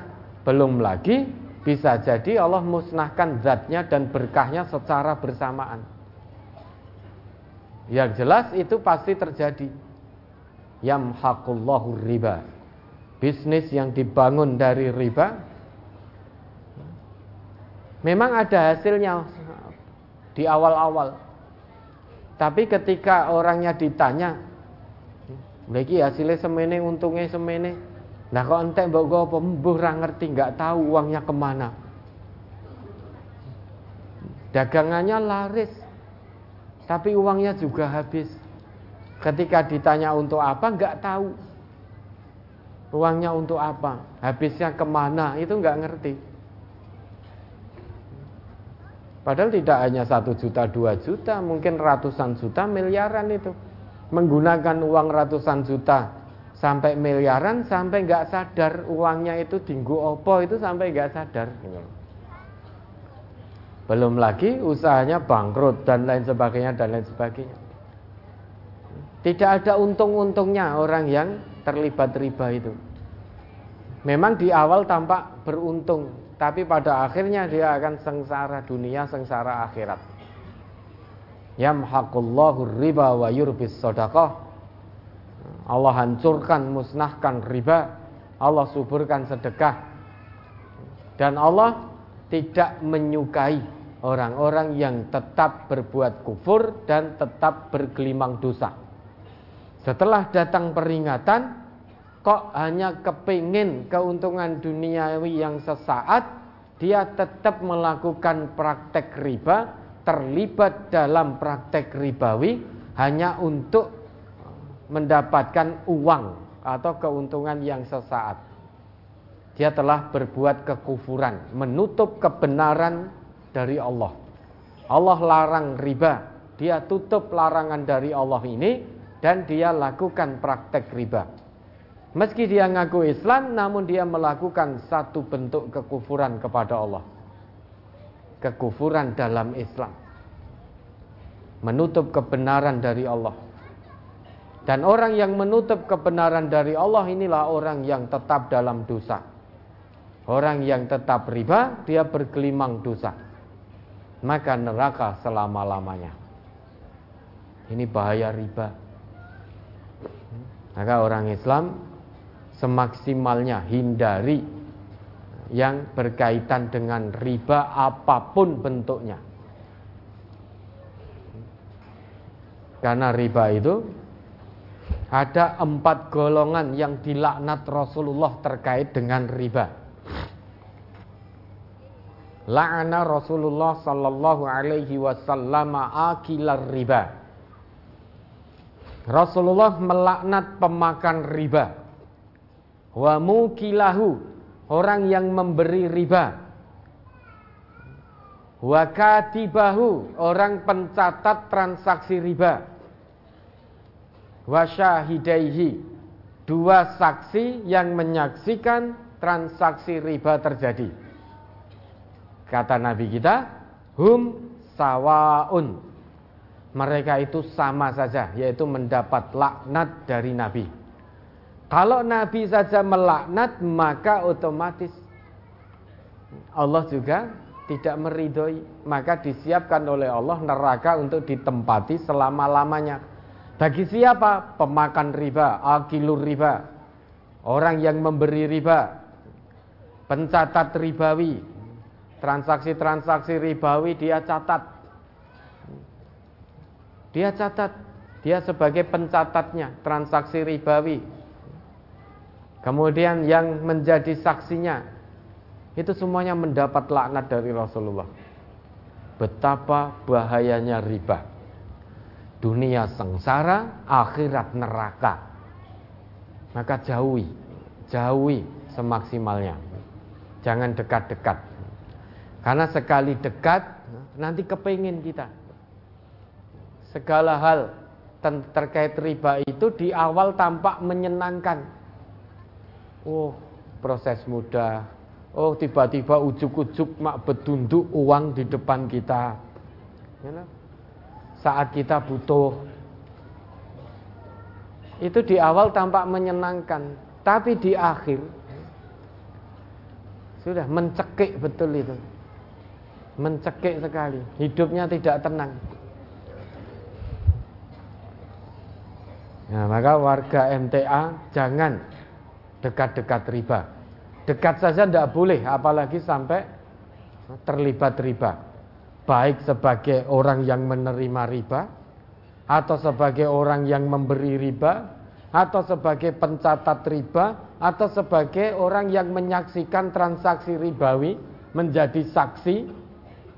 Itu kalau warga MTA jangan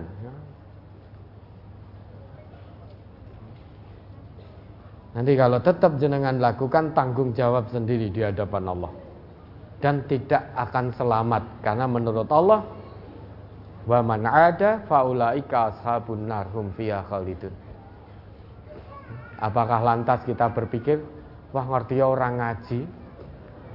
Nek orang ngaji kan saya tetap orang ngerti kalau riba itu dilarang. Nah, pola pikir yang menyesatkan itu seperti itu. Karena kita diciptakan oleh Allah hidup kita ini untuk ngaji. Biar ngerti aturan, biar ngerti tuntunan, hidupnya terarah sehingga ada peluang pintu terbuka lebar untuk mendapatkan ridho dari Allah. Kalau kita tidak ngaji maka akan jadi golongan kelima fatahlik celaka binasa. Ya, ada lagi. Mohon dijelaskan pada brosur Kolbul Salim Quran surat Al-Baqarah ayat 238 apa yang dimaksud sholat wusta Coba dibaca itu nanti sambil dilihat tulisannya ya. Mari Al-Baqarah 238. Surat Al-Baqarah surat kedua ayat ke 238. Hafizu ala salawati was salatil wusta wa qumu lillahi qanitin. Peliharalah segala solatmu dan peliharalah solat wusta. Berdirilah karena Allah dalam solatmu dengan khusyuk. Ada keterangannya tidak itu? Solat wusta ialah solat yang di tengah-tengah dan yang paling utama ada yang berpendapat bahwa yang dimaksud dengan sholat wusta ialah sholat asar.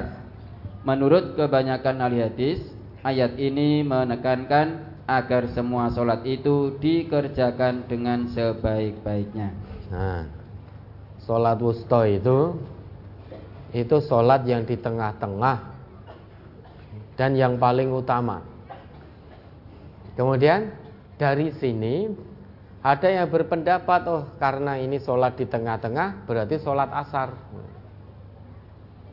Namun demikian, mayoritas ahli hadis menyatakan bahwa ayat ini menekankan agar semua sholat itu baik wajib maupun sunnah itu dikerjakan dengan sebaik-baiknya khusus hanya mengharap ridho Allah. Sekarang Bapak Ibu lihat tulisan yang ada di mushaf panjenengan. Hafidhu ala solawati. As-solawatu. Fokus pada kata as-solawatu. Di situ tertulis alif, lam, sin, alif, lam, sod, lam, wawu, fat, ada fathah begini di atas wawu, kemudian tak dengan tak terbuka atau tak maftuhah. Hafidhu ala solawati. As-solawatu yang pertama di situ tulisannya alif, lam, sod, lam, wawu, tak maftuhah. Itu berarti sholat lima waktu. Itu jamak. Itu sholat lima waktu. Ya subuh, duhur, asar, maghrib, isya. Tetapi sholat yang kedua tulisannya alif, lam, sod, lam, wawu, tak marbutoh. Bukan tak maftuhah. Tak maftuhah itu tak yang terbuka. Jadi tak yang begini nih loh, wujudnya perahu begini, ada titiknya itu tak terbuka. Tak terbuka berarti bukan berarti tertutup, bukan. Ya. Tak maftuhah terbuka begini loh, terbuka, tidak nutup begini. Tapi sholat yang kedua was sholat al wusta itu was sholat hafidhu ala sholawati was sholatil wusta. As sholat di situ tulisannya alif lam sod lam wawu tak marbutoh. Meski itu bentuk tunggal namun itu maknanya ghairu mahdud. Ghairu mahdud itu tanpa batas Berarti masuk ke dalamnya sholat wajib yang lima dan sholat-sholat sunnah lainnya. Ini dari sisi tulisan. Kalau alif lam sod lam wawu tak terbuka tadi, itu berarti sholat lima waktu subuh, duhur, asar, maghrib, isya. Tapi kalau alif lam sod lam wawu tak marbutoh itu mencakup semua sholat baik sholat wajib maupun sholat-sholat sunnah yang lain. Maka semua sholat itu utama. Baik wajib sunnah ditunaikan dengan sebaik-baiknya hanya mengharap ridho Allah tunaikan dengan khusyuk. Ya mudah-mudahan bisa dipahami. Itu perbedaan tulisan itu ada maknanya dalam Quran itu Ya, ada lagi. Setiap sore saya mengajari anak-anak membaca Iqra dan Al-Qur'an. Terus tanpa sepengetahuan saya, ada perangkat desa yang mendata saya sebagai guru ngaji. Terus setiap empat bulan sekali saya dikasih uang dari desa. Bagaimanakah hukumnya dengan uang yang saya terima tersebut? Halalkah kalau saya gunakan untuk keperluan saya Ustaz? Insya Allah halal. Gunakan, belanjakan di jalan-jalan yang Allah ridhoi. Ya, ada lagi?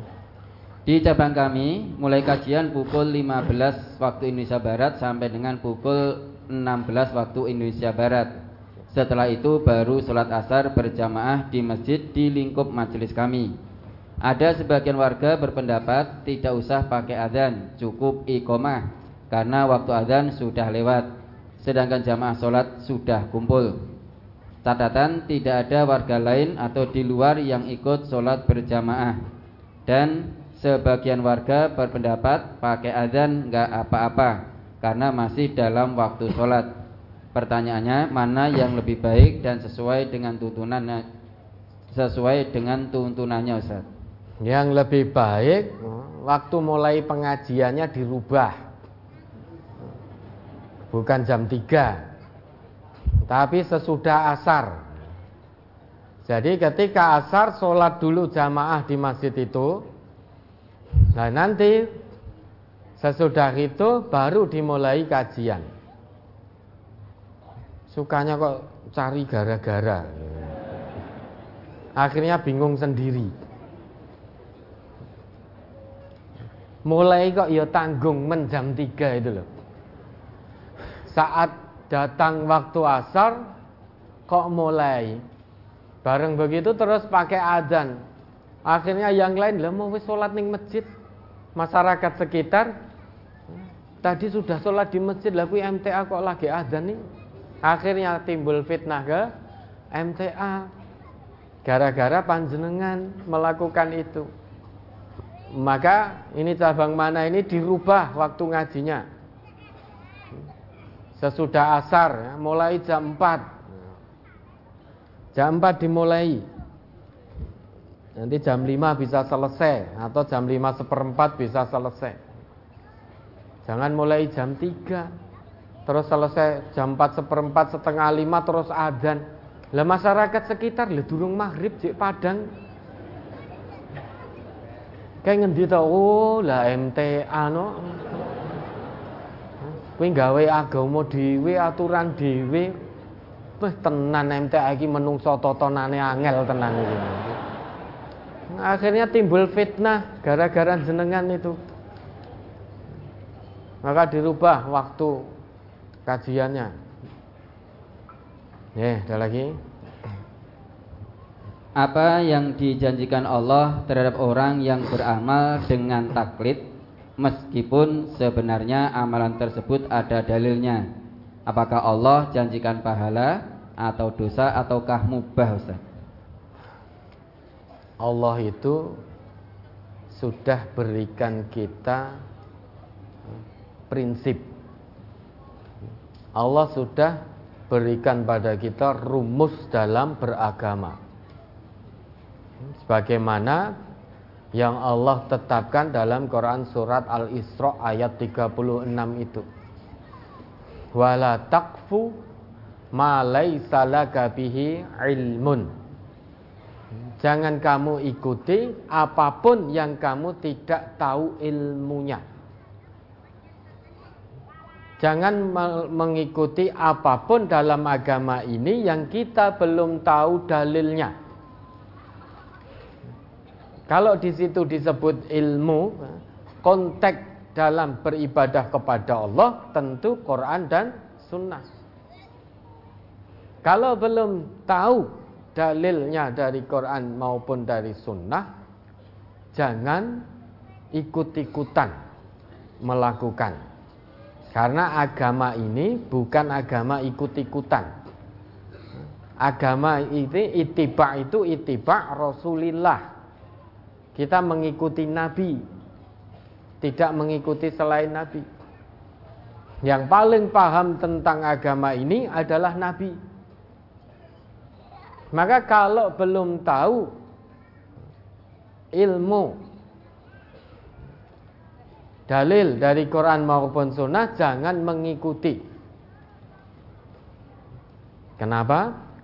Inna sam'a wal basara wal fuada kullu ulaika kana anhu mas'ula. Sesungguhnya pendengaran akan dimintai pertanggungjawaban di hadapan Allah.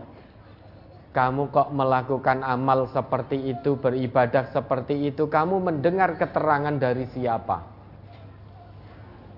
Wal basar, penglihatan juga akan ditanya. Kamu melakukan satu amal perbuatan seperti itu, kamu melihat perbuatannya siapa? Wal fuad, hatimu condong kepada siapa? Semuanya akan ditanya. Dimintai pertanggungjawaban. Dan kita tidak akan bisa menjawab di hadapan Allah, "Ya Allah, aku begini karena aku mengikuti fulan." Padahal yang disampaikan oleh fulan tanpa landasan dalil yang dibenarkan oleh agama. Hanya dalilnya hanya landasannya kira-kira menurutku. Hanya gila wakola oh ini menurutku rapopo engkau nek dosa tak tanggungi wes yang penting diamalkan saja. Kalau dosa saya yang menanggung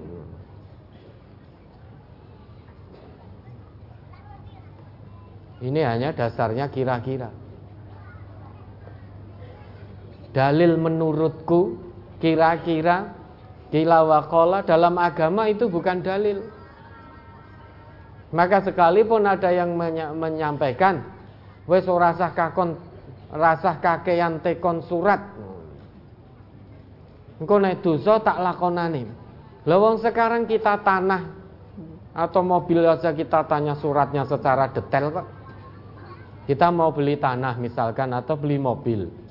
Kita tanya suratnya mana? Itu urusan dunia loh.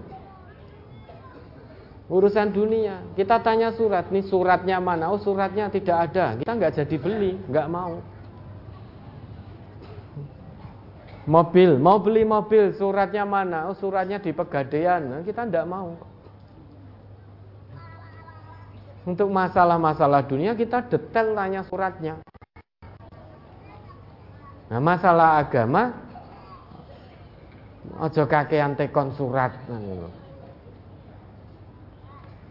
Nah, maka prinsip yang Allah berikan untuk kita beribadah wala taqfu ma laisa lakabihi ilmu. Untuk kita tahu ilmu dalam agama ini, maka Allah perintahkan dalam Quran surat Ali Imran itu ayat 31 32. Kul ati'u Qul in kuntum tuhibbunallah fattabi'uni. Yuhibbukumullah wa yaghfir lakum dzunubakum wallahu ghafurur rahim. Katakan Muhammad in kuntum tuhibbunallah fattabi'uni. Kalau betul kamu itu mencintai Allah mengharapkan rahmat dan ridha Allah hanya ada satu cara fattabi'uni ikuti aku yaitu nabi. Sehingga ittiba'u rasulillah. Kalau kita mengikuti nabi semaksimalnya dalam beragama ini karena yang mewariskan ilmu dalam agama ini yaitu nabi. Kita ikuti warisan nabi itu ikuti Rasulullah apa yang dituntunkan oleh beliau yuhibbukumullah niscaya Allah akan mencintaimu. Kalau Allah mencintaimu wa yaghfir lakum dzunubakum, Allah akan ampuni dosa-dosamu. Karena dengan mengikuti Rasulullah berarti cara ibadah kita terarah. Dengan mengikuti Rasulullah berarti cara ibadah kita insya Allah lurus, tidak menyimpang. Kemudian ayat 32-nya Qul Allah war rasula fa in tawallau fa Allah la yuhibbul kafirin taati Allah taati Rasul. Sudah lurus saja, jangan menggak-menggok. Jangan ditambahi, jangan dikurangi, lurus saja. Karena kalau kita menggak-menggok, potensi kita akan keluar dari apa yang menjadi warisan Nabi. Sedangkan Rasulullah diutus oleh Allah pada diri Rasulullah itu ada suri toladan. Karena beliaulah yang menerima wahyu Al-Quran. Beliaulah yang menerima agama ini untuk disebarluaskan pada umatnya, pada manusia. Maka beliau yang paling paham tentang agama ini. Sehingga kata Allah, "Laqad kana lakum fi Rasulillah uswatun hasanah liman kana yarjullah wal yaumal akhir wa dzakarallaha katsira. Al-Ahzab 21. Sungguh telah ada pada diri Rasulullah suri toladan bagimu. Ingat ya, pada diri Rasulullah suri toladan bagimu. Bukan pada diri fulan, fulan, fulan, dan fulan, tapi pada diri Rasulullah. Bagi siapa itu? Siapa yang mau menjadikan Rasul sebagai suri toladan? Ternyata tidak semua manusia. Hanya tiga orang, tiga golongan yang mau menjadikan Rasulullah sebagai suri toladan.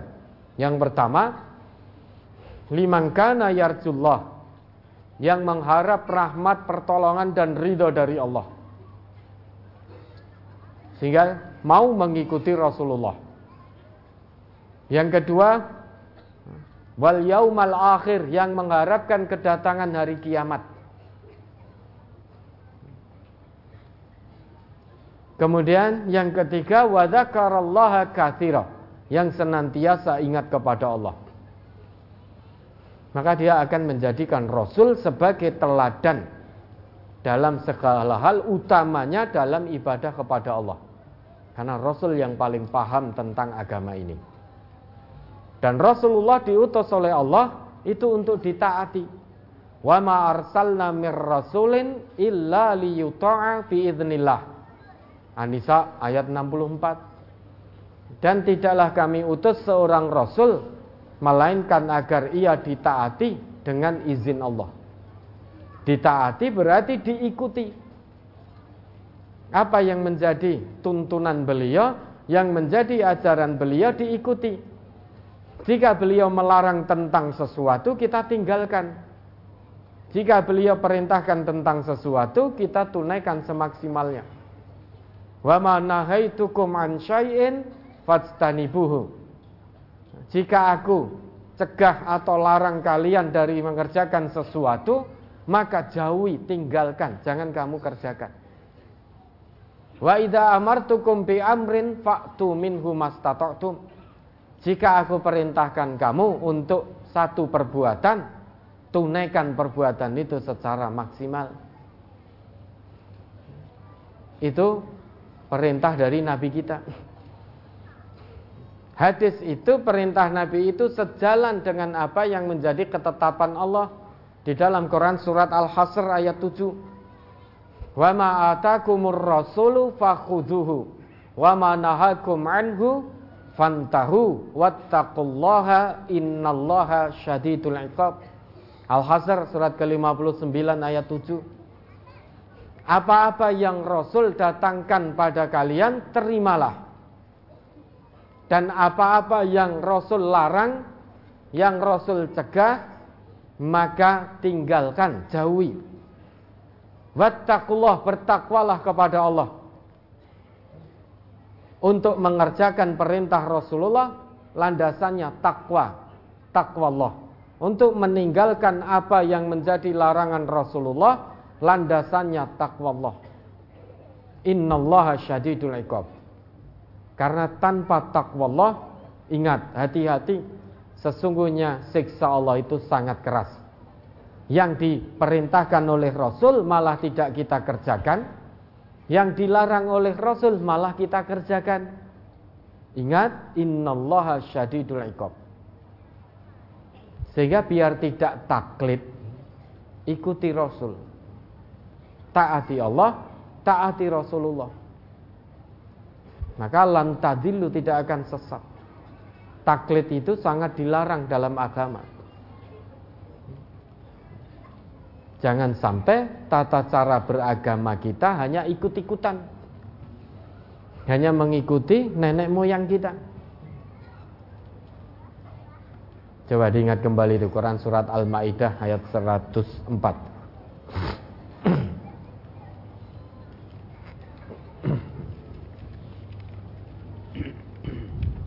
Surat Al-Maidah surat kelima ya 104. Wa idza qila lahum ta'alu ila ma anzalallahu wa ila ar-rasuli qalu hasbuna ma wajadna 'alaihi abaana awalau kana abauhum la ya'lamuna syai'aw wa la yahtadun Apabila dikatakan kepada mereka Marilah mengikuti apa yang diturunkan Allah dan mengikuti Rasul Mereka menjawab Cukuplah untuk kami apa yang kami dapati bapak-bapak kami mengerjakannya.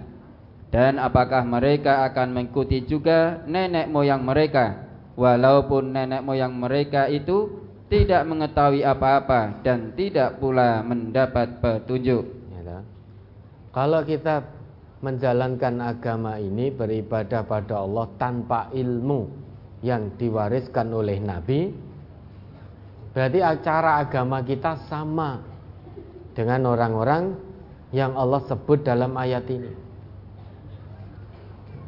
Wa idza qila lahum ta'alu ila ma anzalallahu wa ila rasuli qalu hasbuna ma wajadna alaihi aba'ana. Awalau kana aba'uhum la ya'lamuna syai'aw wa la yahtadun. Jika dikatakan kepada mereka, ta'alau marilah atau ayo. Ilama anzalallah kembali pada apa yang Allah turunkan dalam konteks kita berarti Al-Qur'an. Wa ilar rasuli dan ayo kita kembali kepada Rasul sunnah-sunnah Rasulullah singkatnya ayo kembali pada Quran kembali pada tuntunan Rasulullah serta merta mereka menjawab hasbuna ma wajadna alaihi aba'ana. Cukup bagi kami. Tidak perlu kembali pada Allah, tidak perlu kembali pada Quran, tidak perlu kembali pada Rasulullah, tidak perlu kembali pada sunnah Rasulullah dalam tata cara kami beribadah. Cukup ibadah kami mengikuti nenek-nenek moyang kami. Sehingga bagi kami tidak perlu kembali ke Quran, tidak perlu kembali ke sunnah. Cukup mengikuti bapak-bapak kami, pemimpin-pemimpin kami, orang yang kami anggap alim dan lain sebagainya dan lain sebagainya. Ditanya oleh Allah, awalau kana aba'uhum la ya'lamuna syai'aw wa la yahtadun? Iya, menurut manusia seseorang itu dianggap sebagai orang yang paham tentang agama. Padahal yang disampaikan hanya berdasarkan kira-kira misalkan hanya berdasarkan menurutku wes rapopo nek dosa tak tanggungi. Itu kan berarti menurutku. Orang yang seperti ini berarti orang yang sebetulnya tidak paham tentang ilmu agama ini namun pura-pura paham dan dianggap paham.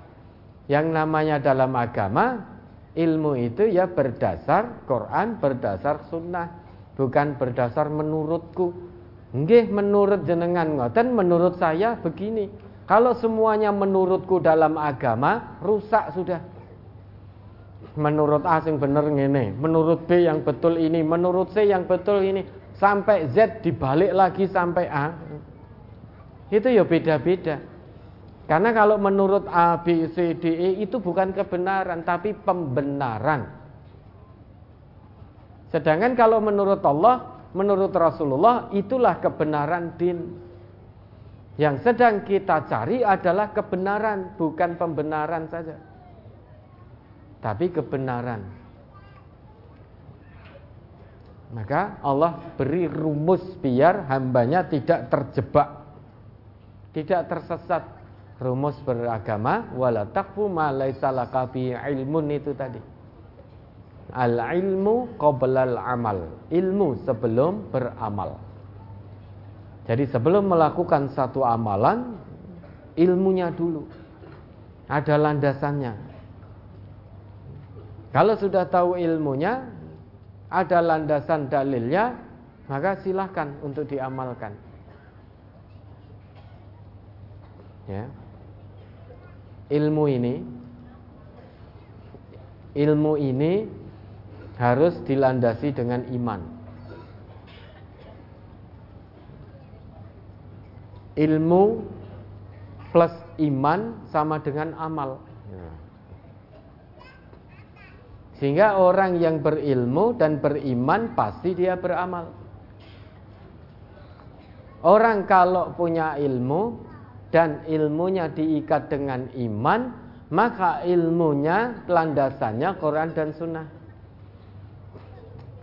Maka ilmu plus iman sama dengan amal. Ilmu tanpa iman dia condong pada kekufuran. Potensi untuk mengarah kepada kekufuran ilmu tanpa iman.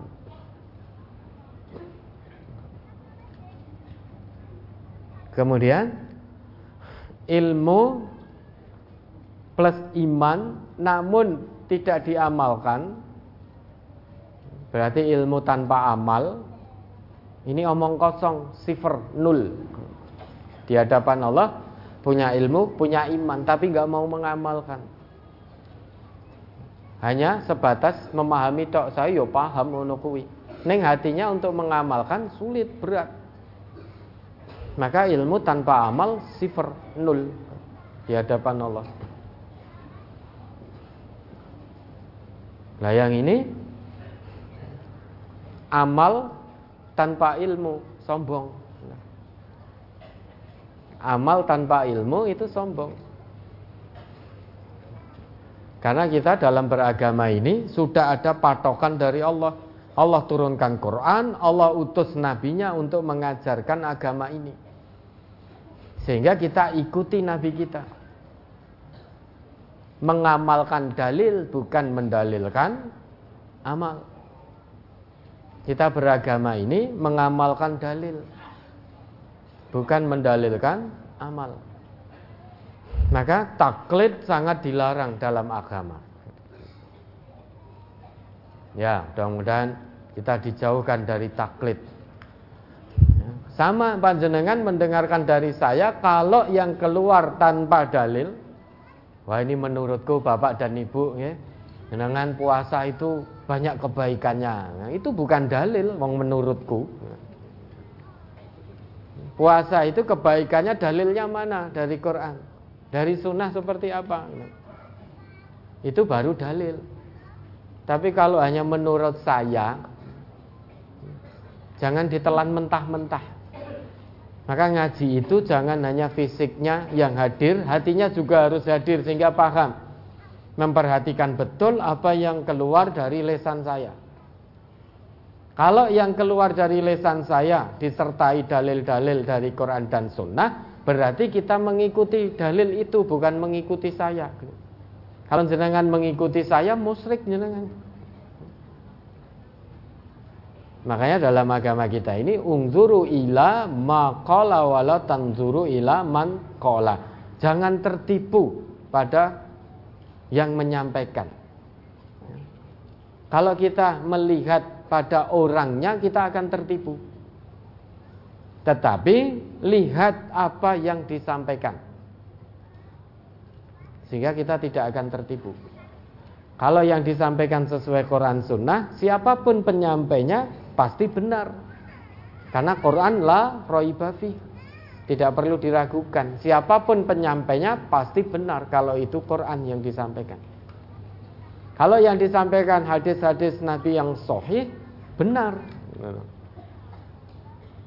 Maka lihat yang disampaikan, jangan lihat yang menyampaikan. Ya, mudah-mudahan bisa dipahami. Ada lagi?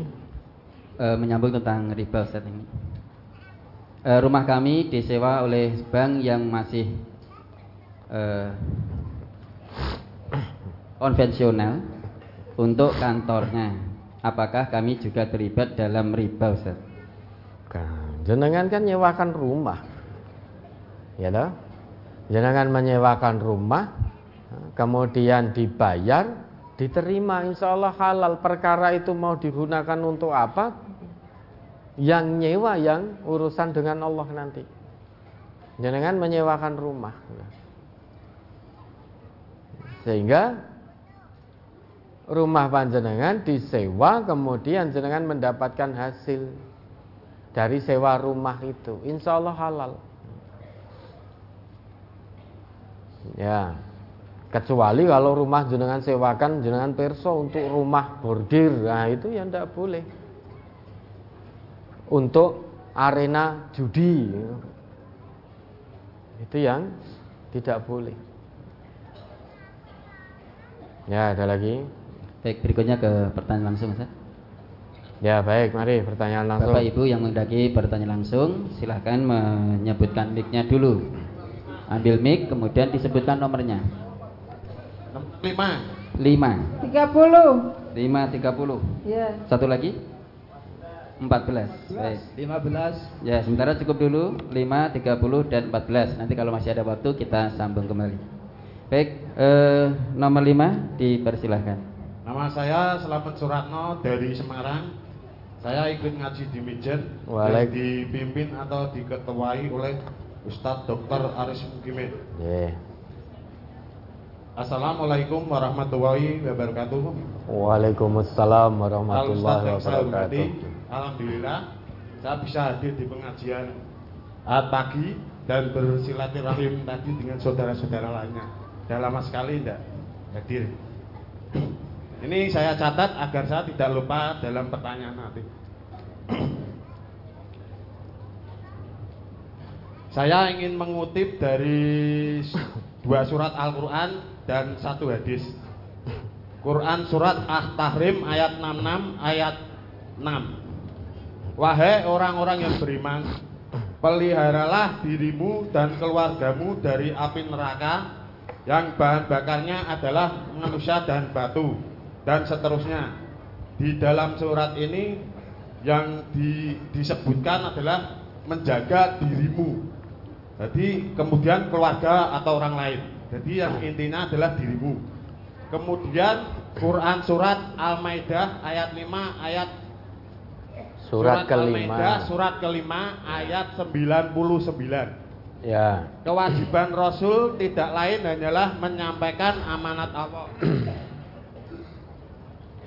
Dan Allah mengetahui apa yang kamu tampakkan dan apa yang kamu sembunyikan. Kemudian hadis Insya Allah soheh Sebaik-baik manusia adalah yang bermanfaat bagi makhluk lainnya. Mohon, mohon penjelasannya. Ini misalkan Ustadz Bukan contoh. Kalau contoh kan berarti sudah ada. Ada seorang hamba Allah Yang taat kepada Allah dan Rasulnya Sesuai ilmu yang didapat atau dipelajari Dan sesuai tingkat pemahamannya. Hamba Allah ini melakukan kebaikan tapi kemanfaat kemanfaat kemanfaat ke, kemanfaatnya kemanfaatannya kebaikannya itu untuk dirinya sendiri. Jadi tidak ada unsur dakwah atau atau menyeru ulang orang lain atau menyampaikan atau mengajak Eh, pengertian dak- dakwah kan itu Ustaz Lah ya itu tuh sebentar. Lah itu kebaikannya untuk dirinya sendiri itu contohnya apa? Gini Pak, misalkan ya pasti timbul pertanyaan ini Pak. Misalkan kita melakukan kebaikan, tetapi kita tidak memikirkan unsur dakwah. Kebaikan untuk diri dirinya sendiri di dalam Al-Quran memang untuk dirinya sendiri, tapi untuk kemanfaatkan, kemanfaatannya. Kita tidak memikirkan bahwa apa yang saya lakukan perbuatan itu tidak memberikan contoh ke orang lain, tidak orang itu biar seperti kita, tapi kita hanya saya berbuat kebaikan untuk saya. Jadi masalah kemanfaatnya tidak dipikirkan sama sekali. Kemudian mungkin ada beberapa faktor hamba Allah itu di antaranya satu mencari aman, mungkin karena mental atau tidak punya keberanian atau tidak punya kapasitas atau kemampuan. Kemudian pertanyaan, apakah kelak dalam perhitungan amal baik atau buruk bisa disamakan dengan orang yang amal amal baiknya timbangannya se- seharusnya dia masuk surga tapi masih punya hutang kemudian amal kebaikannya tadi diambilkan untuk membayar. Kemudian hamba Allah ini ya katakanlah bapak berat amal kebaikannya itu banyak harusnya masuk surga. Tetapi kekurangan tetapi keluarganya ada yang mengadu kepada malaikat atau Allah. Karena selama hidupnya kebaikan yang dilakukan manfaatnya untuk dirinya sendiri misalkan selama hidupnya tidak terus-menerus dalam mendakwai anak Semeng- sepengetahuan saya dakwah itu tidak boleh berhenti kecuali yang didakwai itu mati atau yang mendakwai yang mati. Terima kasih Ustaz. Assalamualaikum warahmatullahi wabarakatuh. Waalaikumsalam warahmatullahi wabarakatuh. Ya sudah betul yang dakwah itu tidak boleh berhenti kecuali yang didakwai sudah meninggal atau kita yang mau berdakwah ini meninggal dunia sudah terhenti. Sekarang pertanyaannya, kalau ada orang berbuat kebaikan,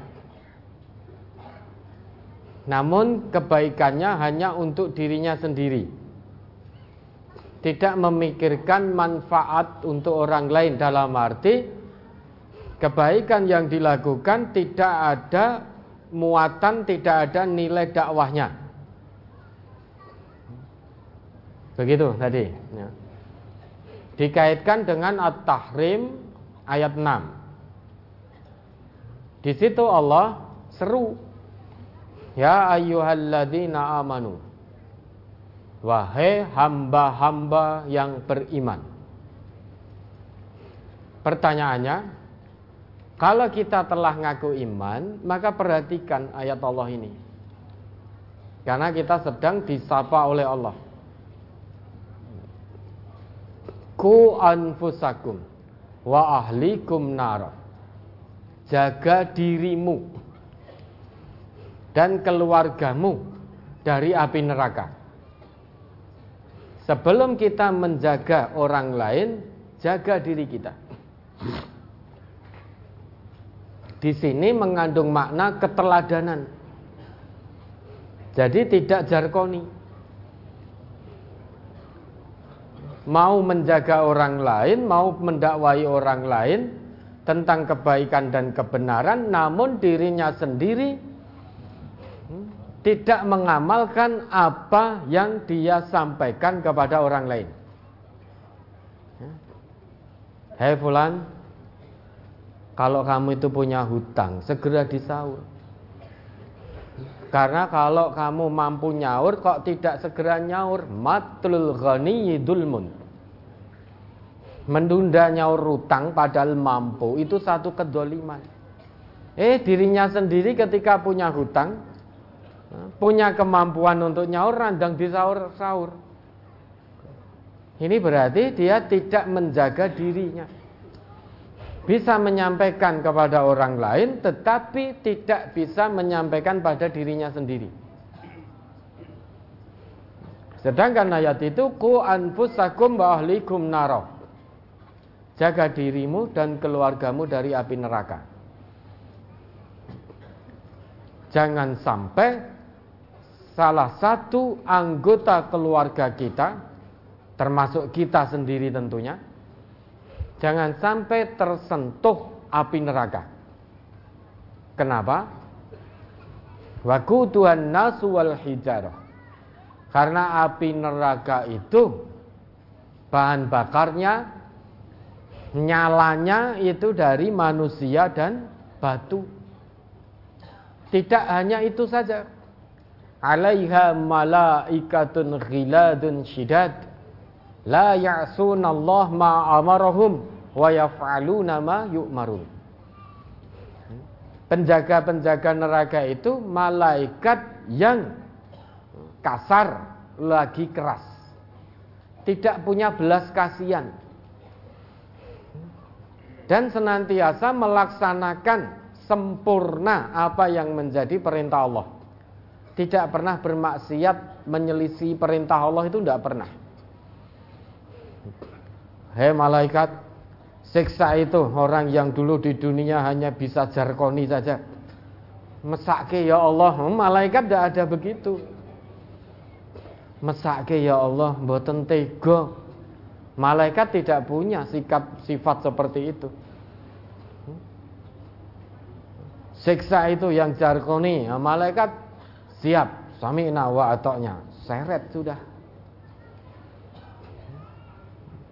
Bertubi-tubi. Malaikat tidak ada rasa iba. Maka jaga dirimu dan keluargamu. Namun perlu diketahui Kewajiban kita ini hanya menyampaikan.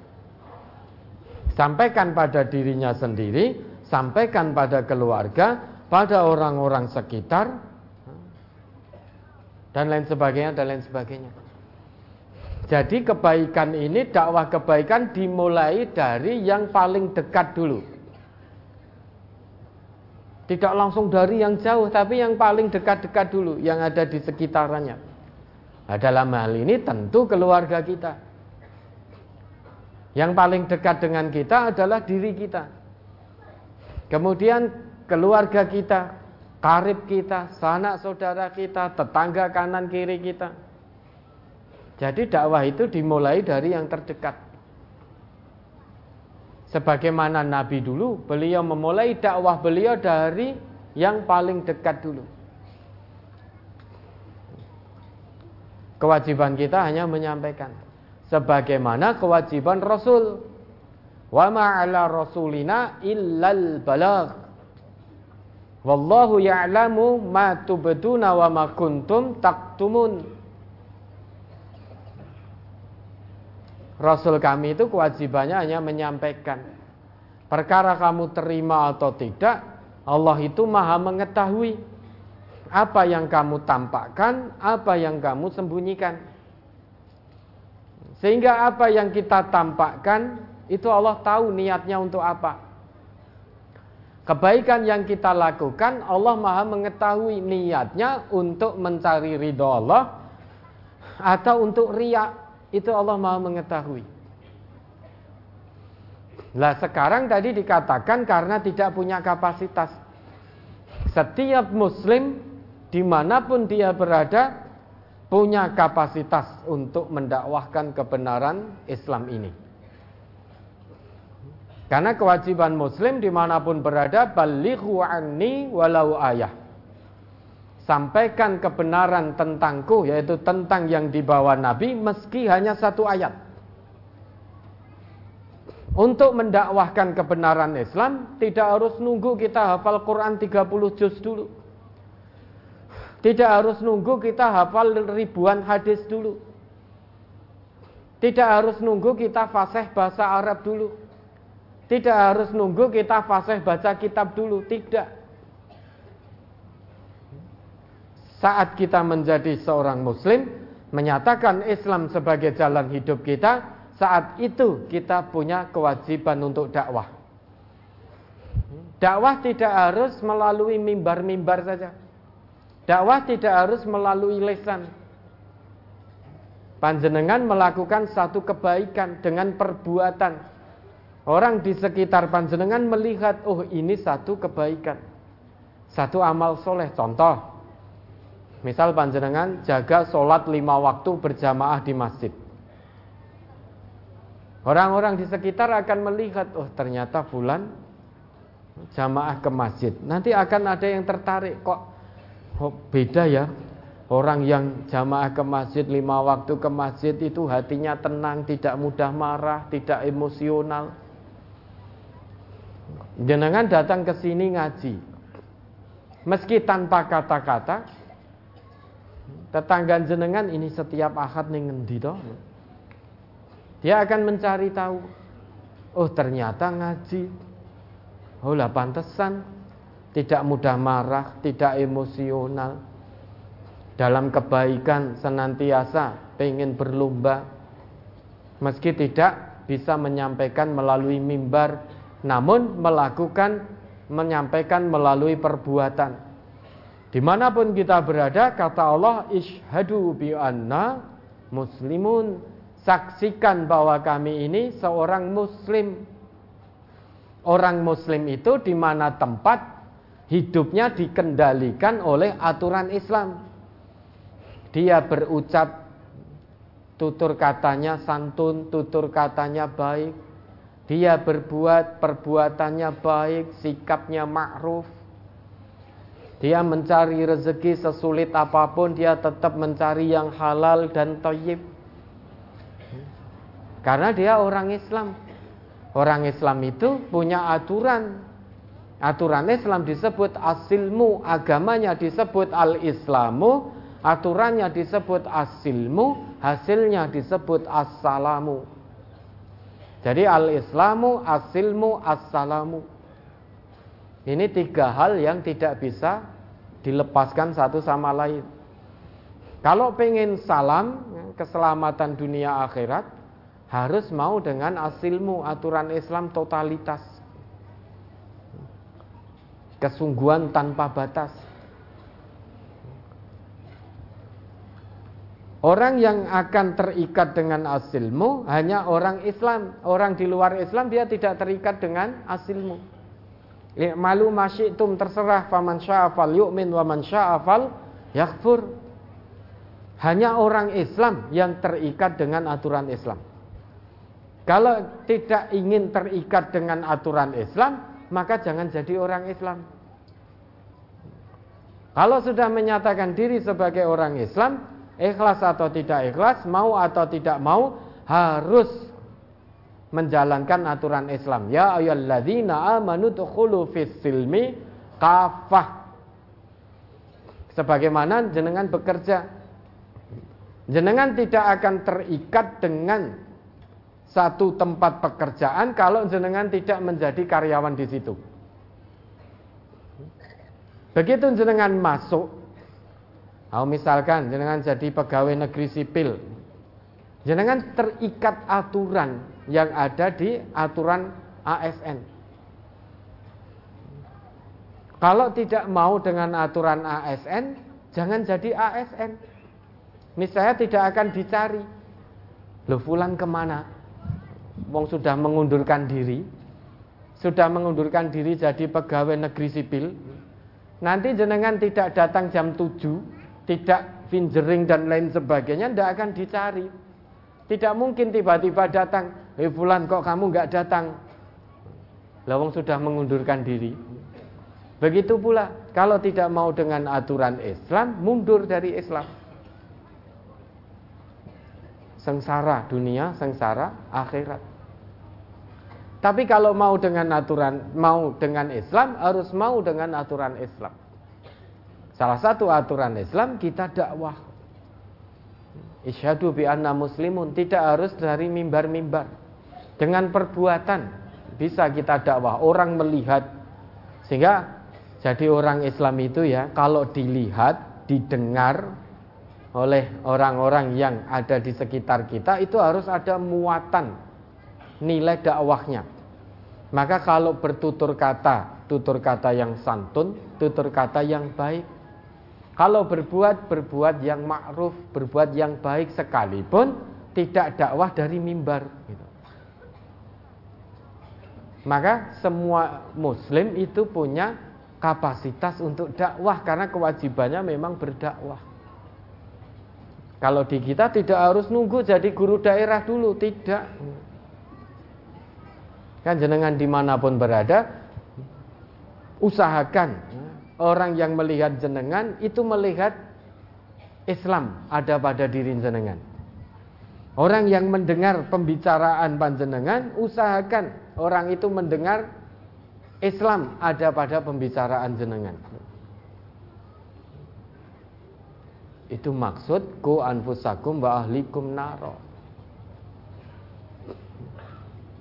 Apalagi sesama mukmin, al mukmin mir'atu akhihil mukmin.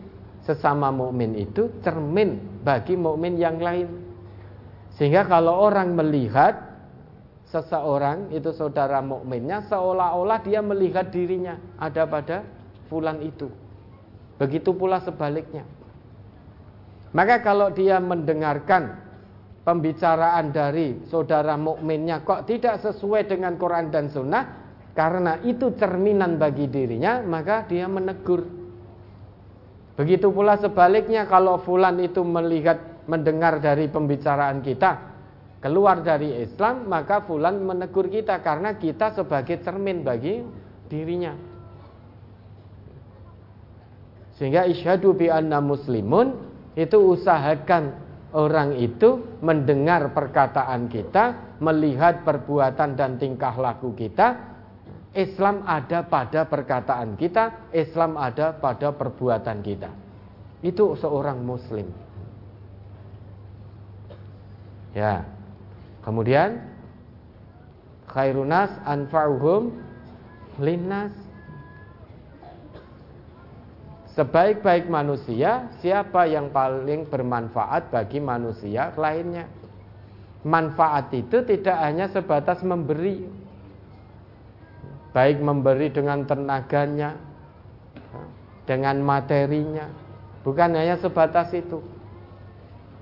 Kita memberikan nasihat itu juga manfaat.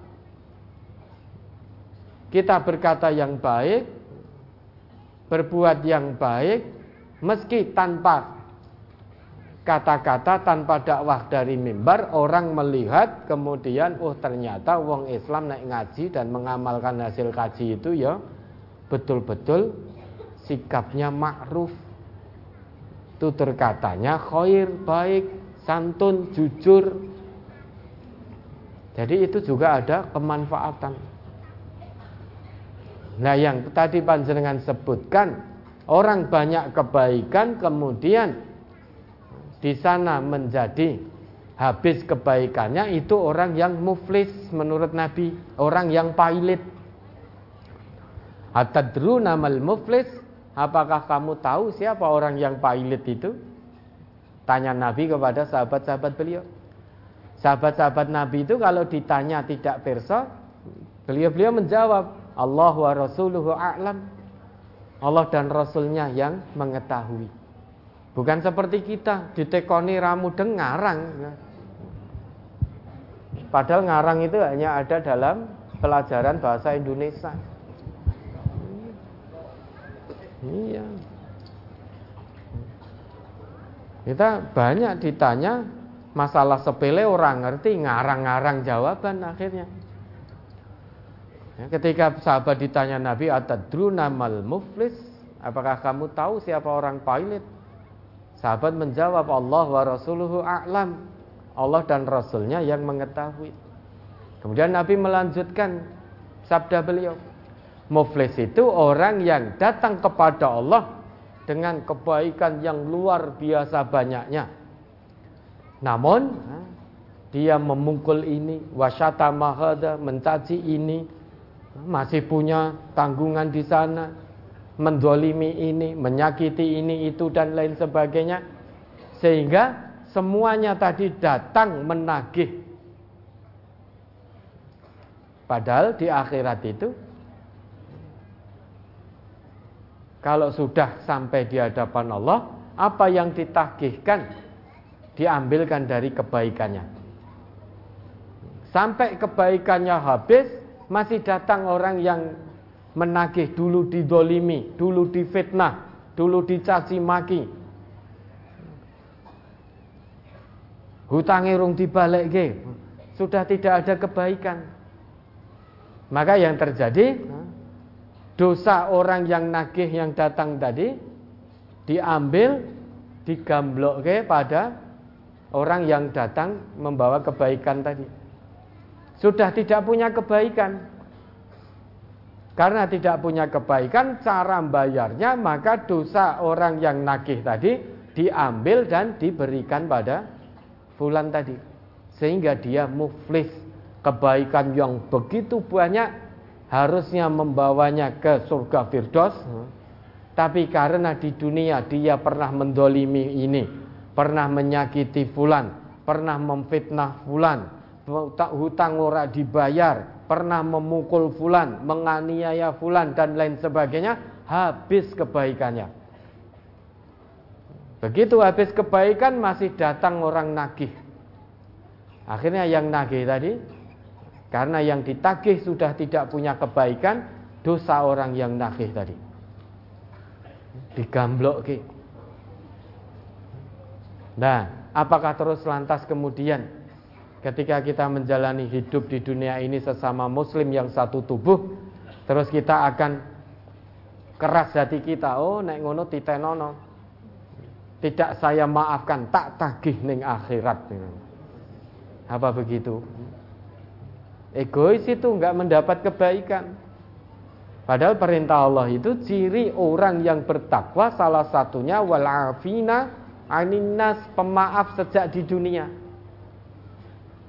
Kalau di dunia tidak bisa menjadi pemaaf, berarti bukan hamba Allah yang bertakwa. Lah sekarang ada yang menyalai, seharusnya bisa memaafkan sehingga meraih derajat ketakwaan. Lah kok engkau tak tagih ning akhirat. Yang satu juga begitu. Oh, Titenono, engkau kesalahanmu dulu pernah memfitnah saya juga tak tagih ning akhirat. Kalau itu terjadi sejak di dunia ini persaudaraan sesama muslim sudah hancur, rusak. Tidak satu tubuh lagi. Bukan kebaikan namanya. Podo-podo untuk dosone karena tidak mau memaafkan. Sesama muslim, sesama mukmin kewajibannya itu sejak di dunia saling memaafkan Bahkan sebelum orang itu minta maaf. Kita saling memaafkan. Kemudian misalkan orang tua tidak bisa istiqomah terus mendakwahkan kebenaran din kepada anaknya. Kita orang tua ini ingat ya, kedua orang tua ini menjadi barometer utama. Kullu mauludin yuladu alal fitrah fa abawahu yuhawwidanihi au yunassiranihi au yumajjisanihi. Jadi kedua orang tua ini menjadi barometer utama anaknya apakah akan jadi Majusi atau Yahudi atau Nasrani atau Majusi akan jadi muslim yang taat pada Allah mengikuti tuntunan Rasulullah atau akan jadi muslim tapi hanya Islam KTP itu orang tuanya jadi kewajiban orang tua itu menyampaikan sekali tempo kumpulkan anak-anaknya nasihati. Masa bapak ibu tidak bisa nasihati anak? Maka cukup leh, dok, ya, sholat sing awal waktu. Menasehati anak berarti mengajak anak untuk diskusi karena anaknya sudah gede-gede. Kenapa toh dok kok sholat mesti di akhir waktu ada apa toh? Fangdul madataro. Coba kenapa kok kamu selalu sholat menunda-nunda? Padahal menunda-nunda sholat itu itu ciri sholatnya orang munafik. Sampaikan begitu, sentuh fitrahnya. Tidak hanya memberi nasihat saja, tetapi memberi contoh keteladanan. Anaknya pas di rumah diajak, ayo ning masjid karo bapak. Diajak ke masjid. Orang kok hanya Le, nduk ana ning masjid. Lah pake bapak ning omah sik. Wis tahu. Bapak wis kerep kok le. Nah, itu namanya jarkoni. Maka orang tua ini selain bisa memberi nasihat, dia yang pertama kali melaksanakan apa yang dinasihatkan kepada anak. Karena anak nanti akan melihat. Anak melihat dari orang tuanya, mendengar orang tuanya, kemudian anak akan mengikuti jejak baik orang tuanya. Ya, mudah-mudahan bisa dipahami. Ya, terus Baik, lagi? berikutnya penanya nomor 30 dipersilahkan. Dari Ibu, mik nomor 30 silakan Ibu. Singkat. Assalamualaikum warahmatullahi wabarakatuh. Waalaikumsalam warahmatullahi wabarakatuh. Ustadz, saya mau nanya Ustadz. Diperkenalkan dulu Ibu. Oh, saya. Bu Mariam dari Magelang, Stang. Oke. Yang minggu yang lalu saya silaturahim. Ya. Ini Ustadz, pertanyaan saya Ustadz, tadi udah ada jawaban semuanya itu masalah saya semuanya kena itu Ustadz, Ustadz ceramah. No. Masalah berantem-berantem itu saya ma- mis- mikirin, wah itu saya semua yang kena itu, nggak ada orang lain. Terus ini pertanyaan saya gini Ustadz, saya itu Ustadz, saya sumpah.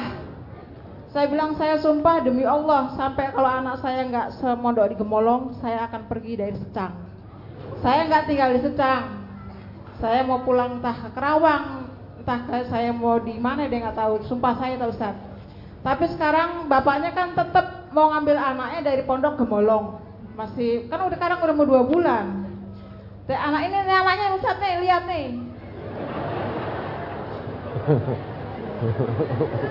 Nih Ustaz, anak Oh, saya Ustaz. gitu. Ini saya um, rumah tangga dari 40 tahun Ustaz saya nggak pernah berantem apalagi sekarang ngaji. Sekarang ini gara-gara ini ya Allah ya Robi Suami saya nyumpah-nyumpahin saya dari ujung kaki sampai ujung rambut. Sumpah-sumpahin terus saya. Tapi saya bilang Alhamdulillah Allah maha tahu maha Orang ada di bawah Ustaz. Suami saya ikut ada di bawah. Ada. Memang dia Oh, ada juga di sini. Ada, emang saya naik motor tadi gantian. Oh, lah ini Pagi. ikut di bawah itu di warung atau Eh, anu ngaji Ustaz bang dia yang Apanya pengen kurang sehat Ya ikut ngaji emang dia yang ngajakin terus yuk kita Lah ya ini ngaji berarti di lantai satu atau di lantai dua? Di lantai satu kali Ustaz Oh lantai satu di pinggir jalan atau? Ya ini pertanyaan saya gini Ustaz Ya. itu saya sumpah begitu apakah eh, saya sanggupnya bayar tiga hari puasa kalau saya gagal maka si anak saya ini mau diambil sama bapaknya kan anak saya katanya kalau ketemu bapaknya alasannya bi aku nggak betah begitu terus Ya. asal abi nggak betah semalam bapaknya ngamuk saya akan ngambil sama ustazah bapaknya ngamuk tuh anu mukul tembok oh, tangannya wah berat tangannya lagi stroke terus saya bilang ya Allah kenapa ya saya tinggal lari keluar Lah temboknya hancur tidak? Enggak, emang dia lagi sakit Ustaz. Oh Terus, tangannya yang sakit. Nggak, Oh. pokoknya dia hari ini mau ketemu anaknya, anaknya mau dibawa. Saya bilang ambil ngomong ustazah dulu. Saya bilang, udah kamu nggak usah anu, tapi tergantung anaknya Ustaz. Memang Iya. anaknya katanya nggak betah.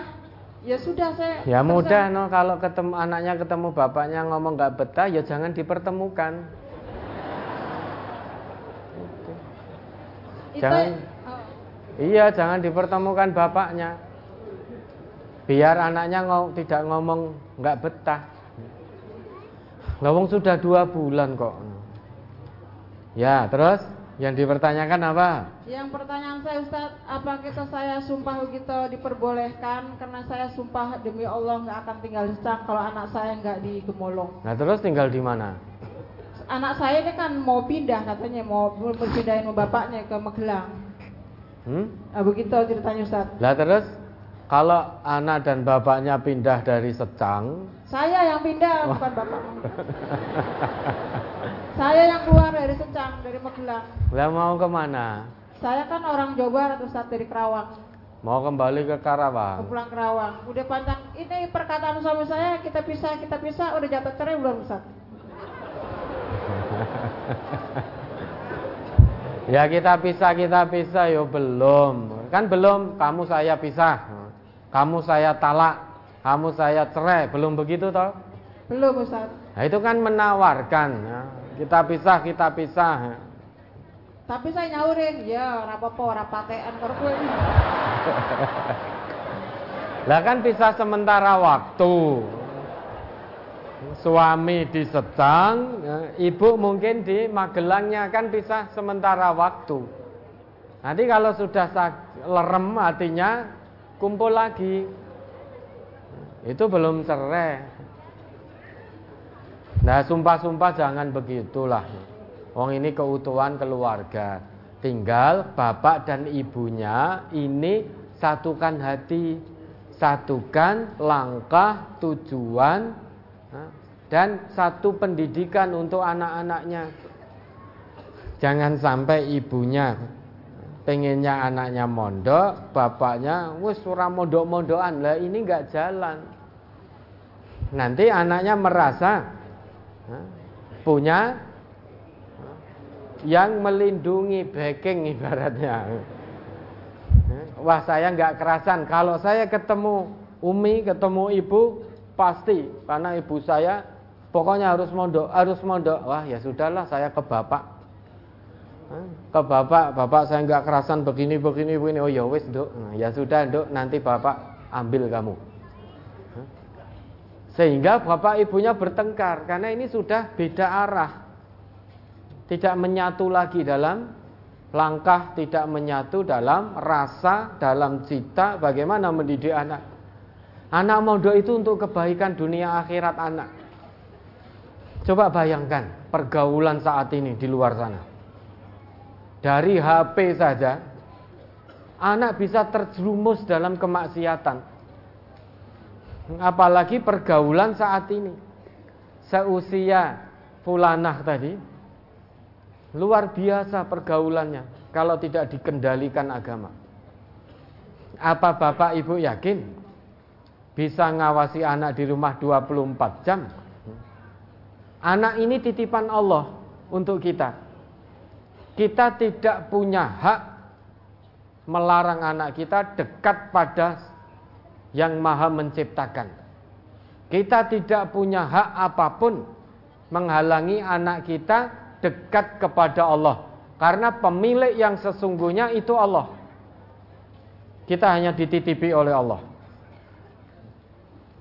Dititipi untuk dididik dengan baik, diarahkan dengan baik, diarahkan, dibimbing ke jalan yang Allah ridhoi. Sedangkan orang tuanya sibuk semua.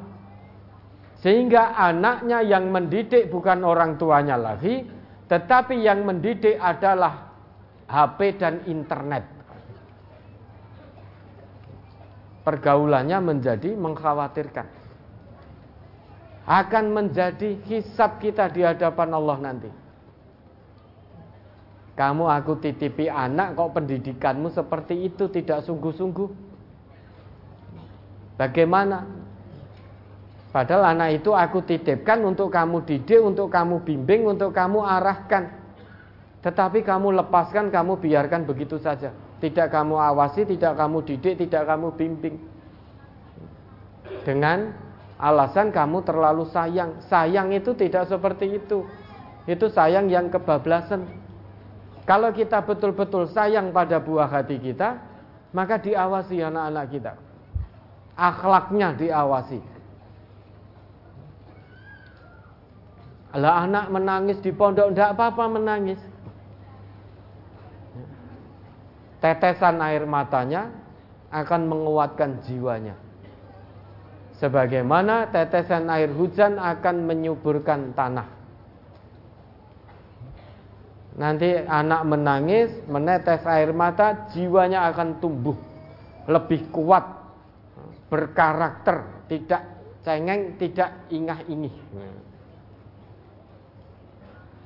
Sekarang kalau sekarang kita menangis karena berpisah dengan anak, anak juga menangis, ketahuilah tidak selamanya kita akan nunggui anak-anak kita.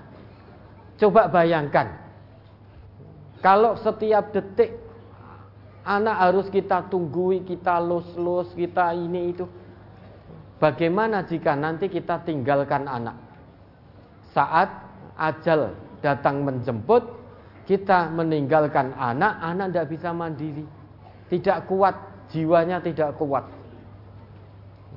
Orang tua itu nggak selamanya nunggui anak. Anak juga selamanya nggak akan membersamai orang tuanya. Bisa orang tuanya dulu yang dipanggil oleh Allah, bisa anaknya dulu yang dipanggil oleh Allah. Maka kewajiban kita mendidik mengarahkan anak ini, memilihkan tempat pendidikan lingkungan yang baik. Sabar di situ kata Allah wasbir nafsaka ma'alladina yad'una rabbahum bil ghadati wal 'ashiyyi yuriduna wajhah. Baik orang tua maupun anak sabar di lingkungan yang baik. Kata Allah begitu. Di dalam Quran surat apa itu? Al-Kahfi ayat 28 itu. Baik orang tua maupun anak semuanya bersabar. Semuanya tahan diri, jangan ikuti hawa nafsu, jangan ikuti egonya untuk meninggalkan lingkungan yang baik menuju lingkungan yang tidak lebih baik. Kalau bapaknya mau mengambil anaknya dari pondok, harus ditempatkan ke lingkungan yang lebih baik daripada pondoknya. Itu kewajiban dari Allah. Kalau ternyata kita ambil lingkungannya di rumah ternyata lebih buruk dari lingkungan di pondok, hujah apa yang akan kita jawab di hadapan Allah nanti? Kita menuruti ego, menuruti hawa nafsu, meninggalkan lingkungan yang baik. Lingkungan baik itu cirinya lingkungan yang bisa mengingatkan kita kepada Allah setiap saat baik waktu pagi, siang, sore, petang, malam. Itu bisa mengingatkan kita kepada Allah. Itu ciri lingkungan yang baik. Kalau kita mau mengambil anak kita dari pondok, anak mau keluar dari pondok, maka harus menuju ke lingkungan yang lebih baik daripada lingkungan yang ada di pondok. Kalau ternyata lingkungannya lebih buruk, Berarti orang tua sudah ikhlas, anak juga ikhlas, akhlaknya menjadi tidak terjaga. Pergaulannya menjadi tidak terjaga. Maka dimusyawarahkan secara kekeluargaan. Bapak, ibu, anak bertemu dengan fitrah yang Allah berikan kepada kita. Bicara dari hati ke hati, dari fitrah yang Allah berikan, baik bapak, ibu maupun anaknya tadi, jangan otot-ototan. Kalau ibu, ya sudah, kalau anak diambil dari pondok, saya keluar dari secang. Bapak beneran, cari istri lagi. Beneran. Anaknya akhirnya bingung. Sementara ini anaknya CS dengan bapaknya. Konco karena didukung oleh bapaknya. Dengan ibunya tidak terlalu dekat. Tapi suatu saat kalau memang terjadi betul naudzubillah anak akan rindu dengan ibu. Ibu akan rindu keluarganya ngumpul jadi satu maka bicara lagi setelah ini ya. mampir di warung mana dahar jangan dibawa pulang dulu dahar ke mana ini meskipun Anaknya mungkin sedih mendengar keterangan ini. Mungkin benci dengan saya. Tapi tidak apa-apa, ketahuilah nak ya, ini kebaikan untukmu dunia akhirat. Belum tentu kamu akan temukan lingkungan yang lebih baik dari pondok. Nah, pondok banyak aturannya. Memang iya, untuk menjadi baik harus ada disiplin. Kita ini jadi orang Islam itu kan pengennya jadi orang baik. Islam ada disiplinnya tidak? Ada. Tidak boleh kita sholat subuh kok jam 10 pagi, jam 1 siang baru sholat subuh, tidak boleh. Itu disiplin dalam Islam. Inna sholata kanat alal mu'minina kitaban mauquta. Itu baru waktu sholat. Tidak boleh lesan kita bicara sembarangan. Bicara harus yang baik-baik, itu disiplin dalam Islam. Penglihatan kita tidak boleh untuk melihat yang buruk-buruk, itu disiplin dalam Islam. Orang Islam tidak boleh pacaran, sentuhan dengan lawan jenis yang bukan mahram, itu tidak boleh. Haram. Bahkan ditikam kepalanya dengan jarum dari besi, itu lebih baik min ayyamas samra'atan la tahillulahu daripada menyentuh wanita yang bukan mahram. Ini aturan dalam Islam, disiplin dalam Islam. Maka bagi orang yang hatinya tidak khusyuk menganggap aturan Islam ini sebagai beban. Ini disiplin, disiplin untuk kebaikan dunia akhirat. Maka ad-dunya sijnul mukmin. Dunia ini ibarat penjara bagi orang yang beriman karena ada aturannya, ada disiplinnya.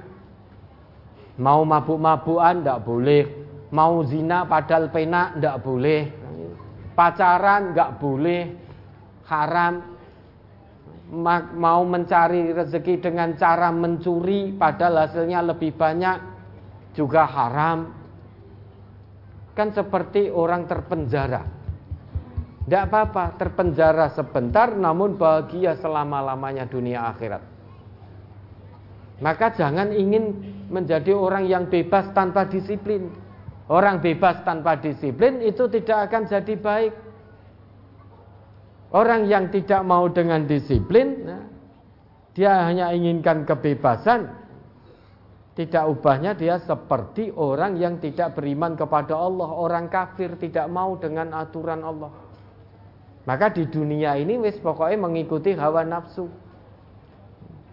Maka dunia ini bagi orang mukmin itu ibarat penjara. Bagi orang kafir laksana surga wa jannatul kafir.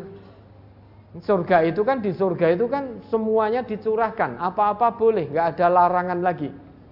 Nah bagi orang kafir wis hidup ya hanya untuk dunia, dunia untuk dunia, bukan dunia untuk akhirat. Itu bagi orang yang tidak punya iman, fokus hidupnya hanya hawa nafsu, hanya untuk dunia ini. Sedangkan orang yang beriman dunia untuk akhirat, bukan dunia untuk dunia. Lah itu harus sejak dini diberikan pemahaman pengertian bahwa dunia untuk akhirat bukan dunia untuk dunia. Mengalahkan hawa nafsu harus dilatih sejak dini. Maka betul Bapak Ibu tadi menyekolahkan anaknya ke pondok karena insya Allah pondok itu tempat yang baik mengingatkan penghuni-penghuni pondok itu pada Allah setiap saat.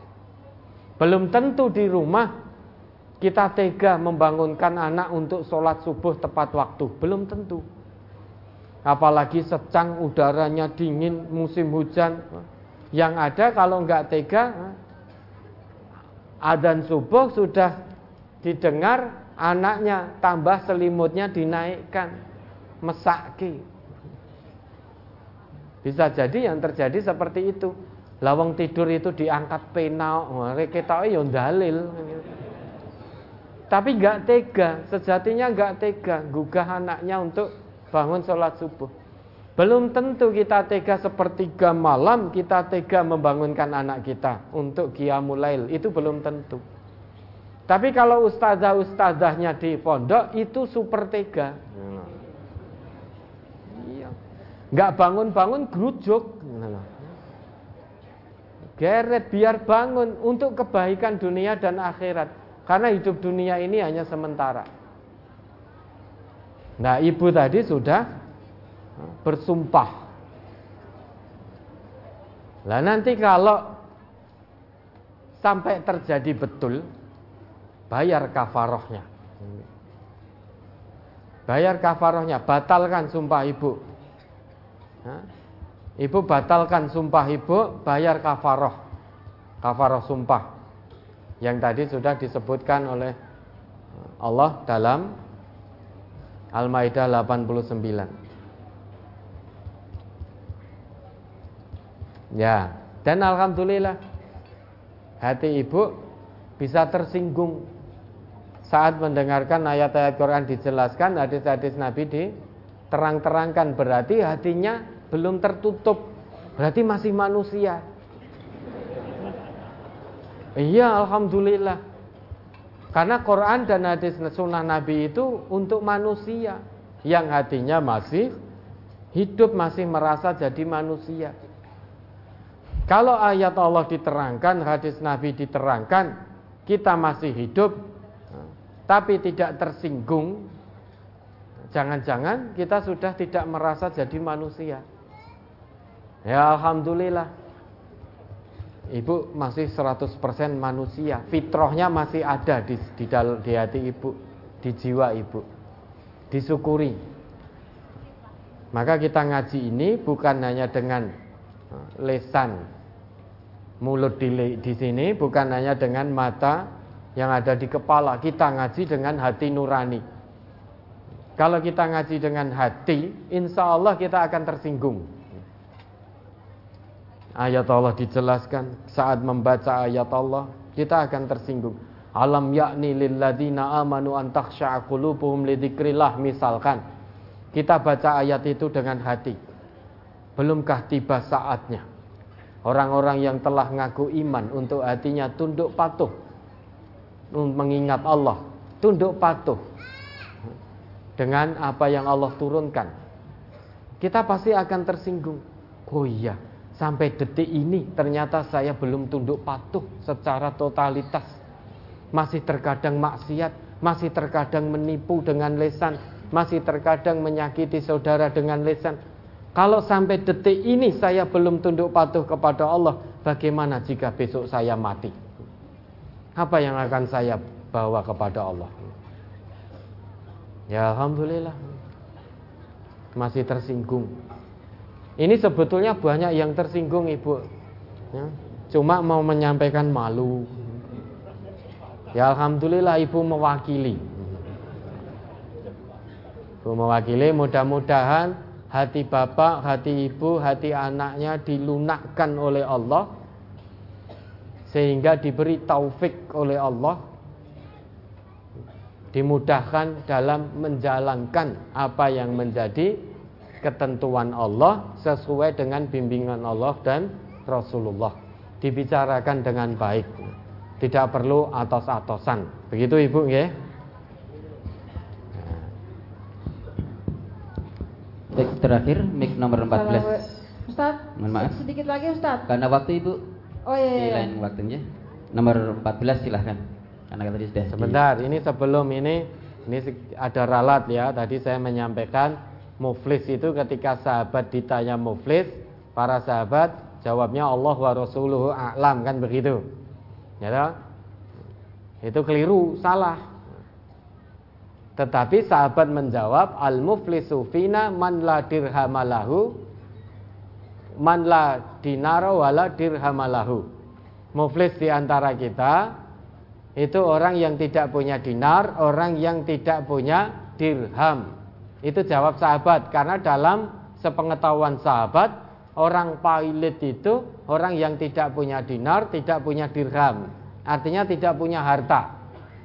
Tetapi ternyata tidak muflis itu bukan orang yang tidak punya harta, tidak punya dinar, tidak punya dirham, tidak punya dolar, tidak punya rupiah, bukan itu.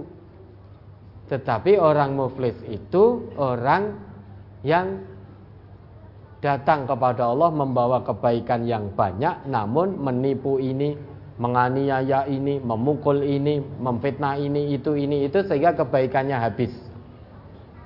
Itu orang yang muflis. Jadi jawaban sahabat bukan Allah wa rasuluhu a'lam tetapi al muflisu fina man la dinara wala dirhamalahu.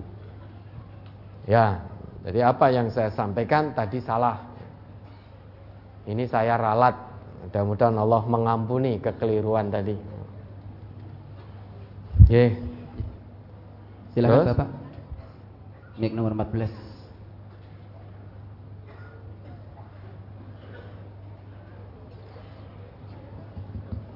Silakan Bapak, sudah, sudah. Bismillahirrahmanirrahim. Sudah masuk, Pak? Sudah, sudah, sudah. Bismillahirrahmanirrahim. Terima kasih waktu yang telah diberikan kepada kami. Sebelum saya mengajukan pertanyaan, nama saya Rakiman dari Rembang, Pak Ustadz. Ya. Rad, pertanyaan yang berkaitan dengan tentang syariat-syariat Islam yang sudah dicantumkan di dalam kitab Al-Quran. Satu,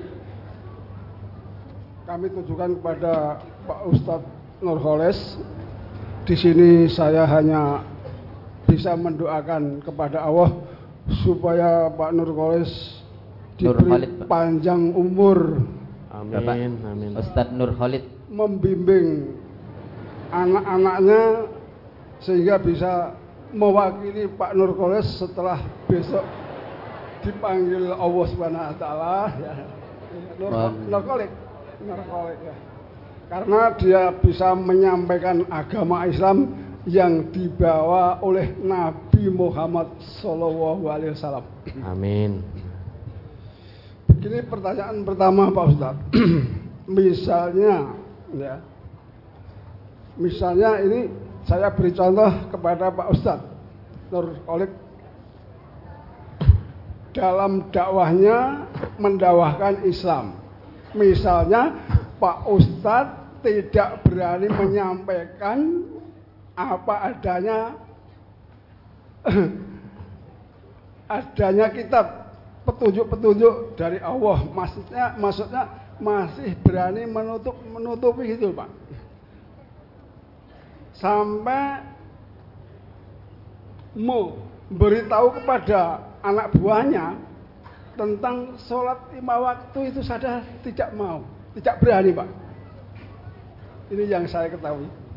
Lah, bagaimana bila nanti Pak Nur Khalid dipanggil oleh Allah, apakah ditanyai tentang tanggung jawabnya berhadapan Allah mengenai dalil yang dilakukan dengan sampai menutupi ayat Al-Quran tadi Pak Yang kedua, mengenai mengenai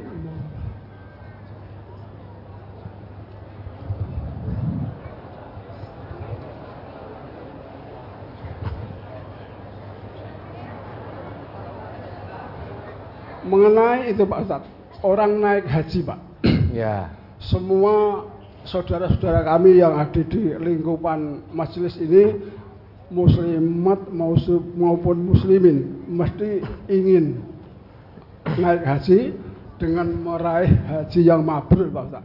Ya. Coba diceritakan wujudnya seperti apa haji mabrur itu karena begini Pak Ustaz yang kami ketahui ini untuk contoh pada saya saja misalnya saya ingin naik haji sudah terlaksana tapi saya di rumah masih mempunyai tanggungan utang yang sampai bertahun-tahun tidak saya urusi dan mempunyai satru yang artinya sampai coro Jawa satru munggah cangkaan Pak. Jadi, Apa itu? Jadi godong tidak mau nyuwek, jadi Apa? air tidak mau nyawuk. Bagaimana perilaku perilaku itu apakah menghalangi mabrurnya haji tadi apa tidak Pak Ustaz? Satru itu apa? musuh. Musuh Pak. Oh, Mas musuh sampai tahun-tahunan tidak bisa diselesaikan. Tapi orang itu sudah bisa naik haji Pak. Apakah bisa meraih haji mabrur apa tidak? Yang ketiga mengenai rumah tangga bersuami dan beristri. Yang satu momen ini walaupun ini sudah diusulkan ditanyakan di majelis berulang-ulang kali tapi saya kasihan kepada orang yang baru Pak ini banyak orang baru baru sekali ini ikut ngaji di majelis ini yang satu ya rumah tangga bersuami istri yang satu mau sholat mau ngaji yang satu tidak mau. Nah, sampai terjadi berhubungan satu ranjam tidur satu ranjam sampai berhubungan suami istri lantas bagaimana? Hukum-hukum yang dijatuhkan kepada orang Islam yang melakukan seperti itu Mas sekian dan terima kasih atas jawabannya Pak Ustadz kami akhiri akhiru halam warahmatullahi wabarakatuh. jawabnya gimana? Waalaikumsalam warahmatullahi wabarakatuh. Ya. Yang pertama, terima kasih Bapak atas keikhlasan doa panjenengan untuk kebaikan kami. Doa yang sama.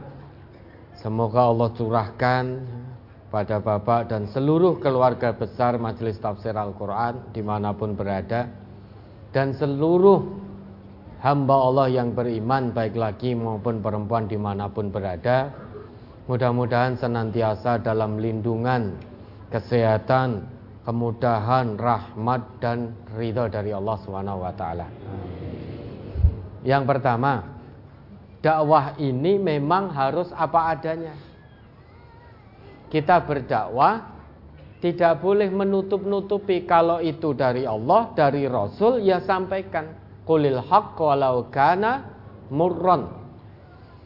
Katakan sejujurnya meski pahit akibatnya.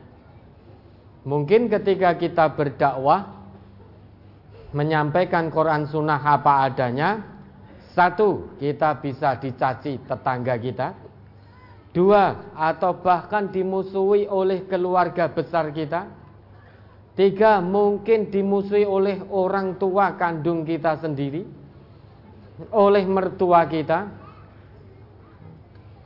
diemohi oleh masyarakat kita, mungkin diusir dari kampung halaman, mungkin difitnah disesat-sesatkan, mungkin difitnah dianggap disebut sebagai orang yang tidak umum, mungkin dicap sebagai orang yang menungso totonane angel,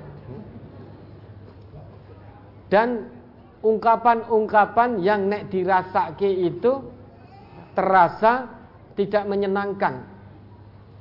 Namun sekalipun nyawa taruhannya kita tidak boleh menutupi Quran, menutupi sunnah. Sampaikan apa adanya, jangan ada yang ditutupi.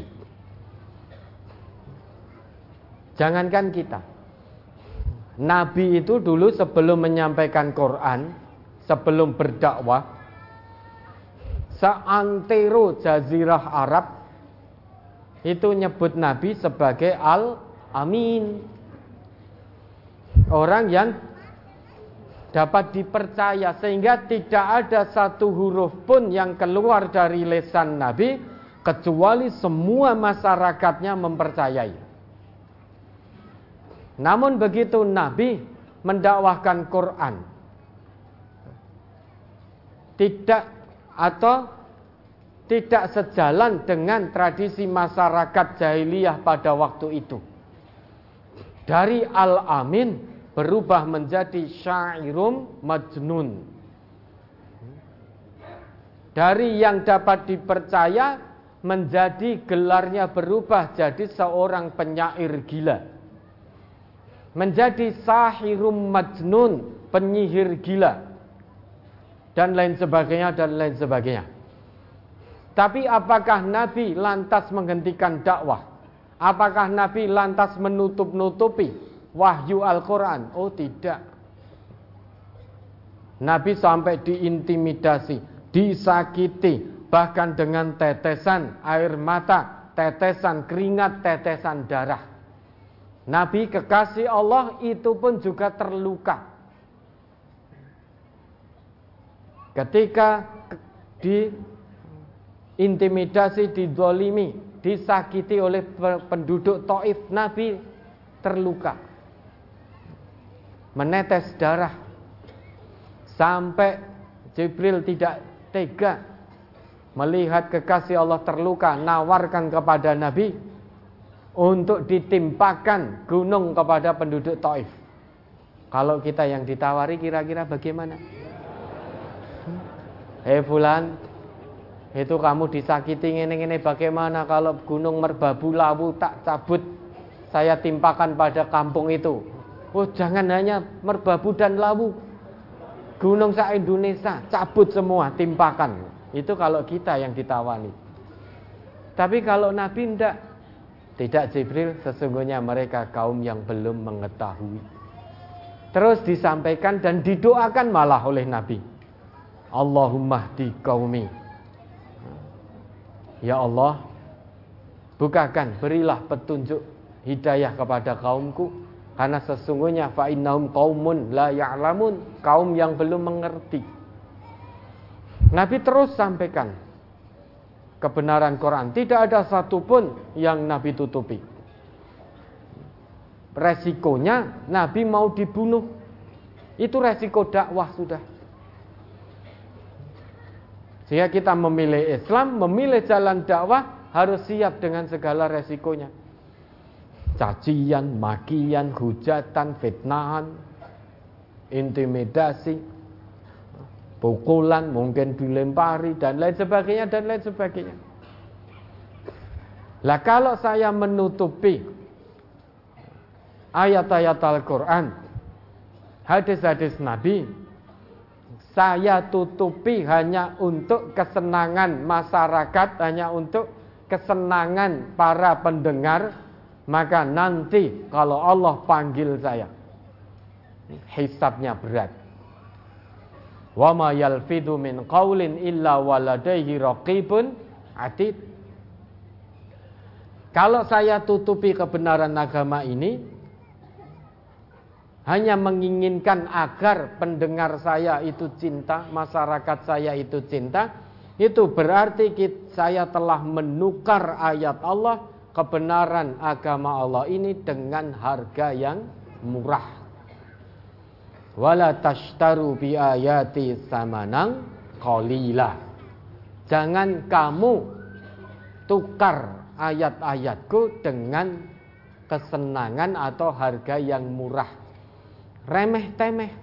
Memang iya ketika saya nutupi ayat Allah tidak menyampaikan yang sebenarnya, nutupi hadis Nabi tidak menyampaikan yang sebenarnya, saya akan mendapatkan kecintaan sebagian manusia.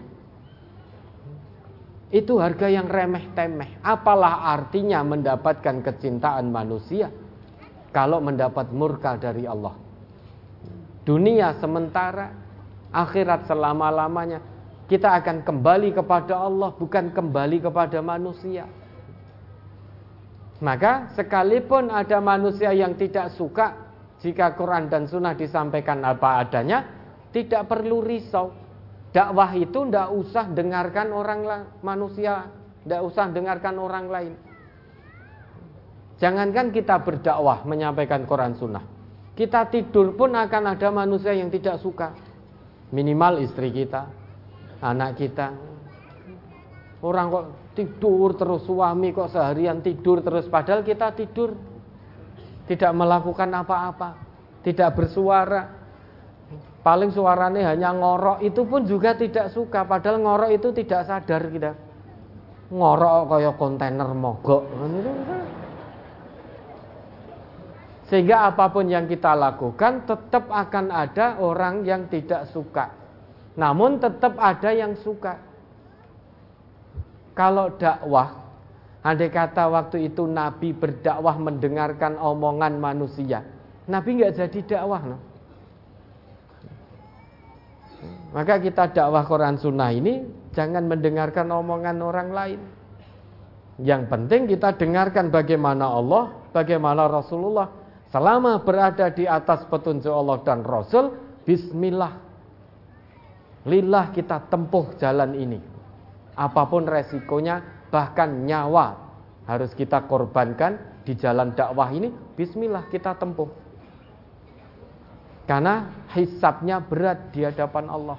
Kalau sampai kita menyembunyikan ayat-ayat Allah, sunnah-sunnah Rasulullah, kita tidak menyampaikan apa adanya.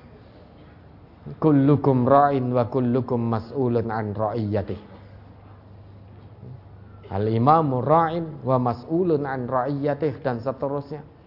Semuanya itu bertanggung jawab. Semuanya itu menjadi pemimpin. Masing-masing akan ditanya tentang kepemimpinannya. Seorang pemimpin di mana pun dia mendapat amanah kepemimpinan, kalau dia tidak memimpin kepemimpinannya tidak dikendalikan oleh Islam, tapi dikendalikan oleh hawa nafsu di mana pun dia. Sampai dia memimpin di RT sekalipun atau dalam rumah tangga kalau kepemimpinannya dikendalikan oleh hawa nafsu maka celaka dia.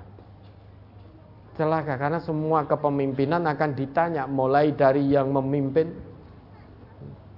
ataupun dalam lingkup kecil seorang suami dalam rumah tangga, seorang istri ketika suaminya tidak di rumah itu pemimpin. Istri itu juga pemimpin dalam rumah suaminya saat suami tidak ada di rumah wal mar'atu ra'iyatun fi baiti zaujiha wa hiya mas'ulatun an ra'iyatiha. Semuanya pemimpin. Dan akan ditanya semuanya nanti tentang kepemimpinan. Maka menyampaikan ini harus apa adanya, jangan ditambah, jangan dikurangi. Kalau haram, Allah katakan haram, Rasul tetapkan haram, kita pun harus menyampaikan haram. Kalau Allah sampaikan halal, Rasul sampaikan halal, kita juga harus sampaikan halal. Jangan sampai Allah tetapkan haram, Rasul tetapkan haram, kok kita milih pilihan ketiga. Biar disenangi oleh masyarakat. Kata Allah, "Wa ma kana lil mu'minin wala mu'minatin idza qadallahu wa rasuluhu amran ayyakuna lahumul khiyaratu min amrihim wa may ya'sillaha wa rasulahu faqad dhalla dhalalam mubina. Kalau Allah sudah punya ketetapan, ini haram, Rasul punya ketetapan, ini haram. Kalau kita terus menyampaikan sesuatu yang tidak haram hanya gara-gara biar dicintai oleh masyarakat, ketahuilah wa may ya'sillaha wa rasulahu. Orang yang menyampaikan selain apa yang Allah dan Rasul sampaikan terkait satu ketetapan agama ini, maka dicap oleh Allah bermaksiat pada Allah dan Rasul. Orang yang bermaksiat pada Allah faqad dhalla dhalalam mubina. Dia sesat sesat yang nyata. Itu yang pertama. Kemudian haji mabrur. Seseorang itu tidak dilihat dari hajinya. Banyak orang yang naik haji tetapi sepulang dari haji sama saja. Banyak orang ketika belum haji di, di tanah air sudah ngumbar aurat. Begitu naik haji pulang itu kembali lagi dibuka lagi auratnya. Berarti hajinya tidak mabrur. Tanda haji mabrur itu Ya, dia pulang dari tanah suci kembali ke tanah air, akhlaknya, sikapnya, tutur katanya, lesannya itu lebih baik daripada sebelum dia berangkat. Kata Nabi begitu. Haji mabrur itu ya, salah satu tandanya kata Nabi tutur katanya semakin baik dan semakin gemar sedekah. Dalam satu hadis dikatakan begitu. Jadi haji mabrur itu tandanya di antaranya haji pulang haji maka lesannya menjadi semakin baik. Kalau lesannya semakin baik, otomatis perbuatan sikapnya menjadi lebih baik. Dan gemar memberi. Bukan gemar jutaan. Bukan gemar musuhan.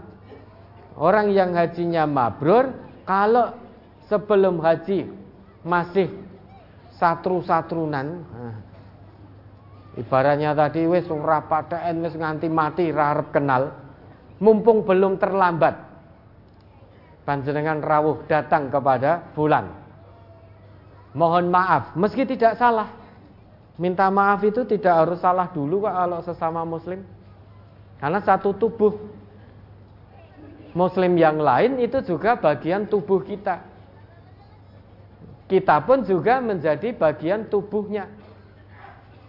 Maka kalau kita sudah haji pulang kok masih jutaan seperti itu, ingat la yahillu li muslimin ayah jura akahu fauqa salasi layalin yaltaqiyani fayu'ridu hada wa yu'ridu hada wa khairuhum yabda'u bis salam tidak halal bagi seorang muslim kok juta diamkan saudara muslim lainnya lebih dari tiga hari. Nah ini sudah bertahun-tahun. Bahkan diniatkan sampai mati orang Arab kenal. Padahal sesama muslim. Tiga hari saja, maksimal tiga hari. Lebih dari tiga hari kata Nabi haram. La yahillu, tidak halal.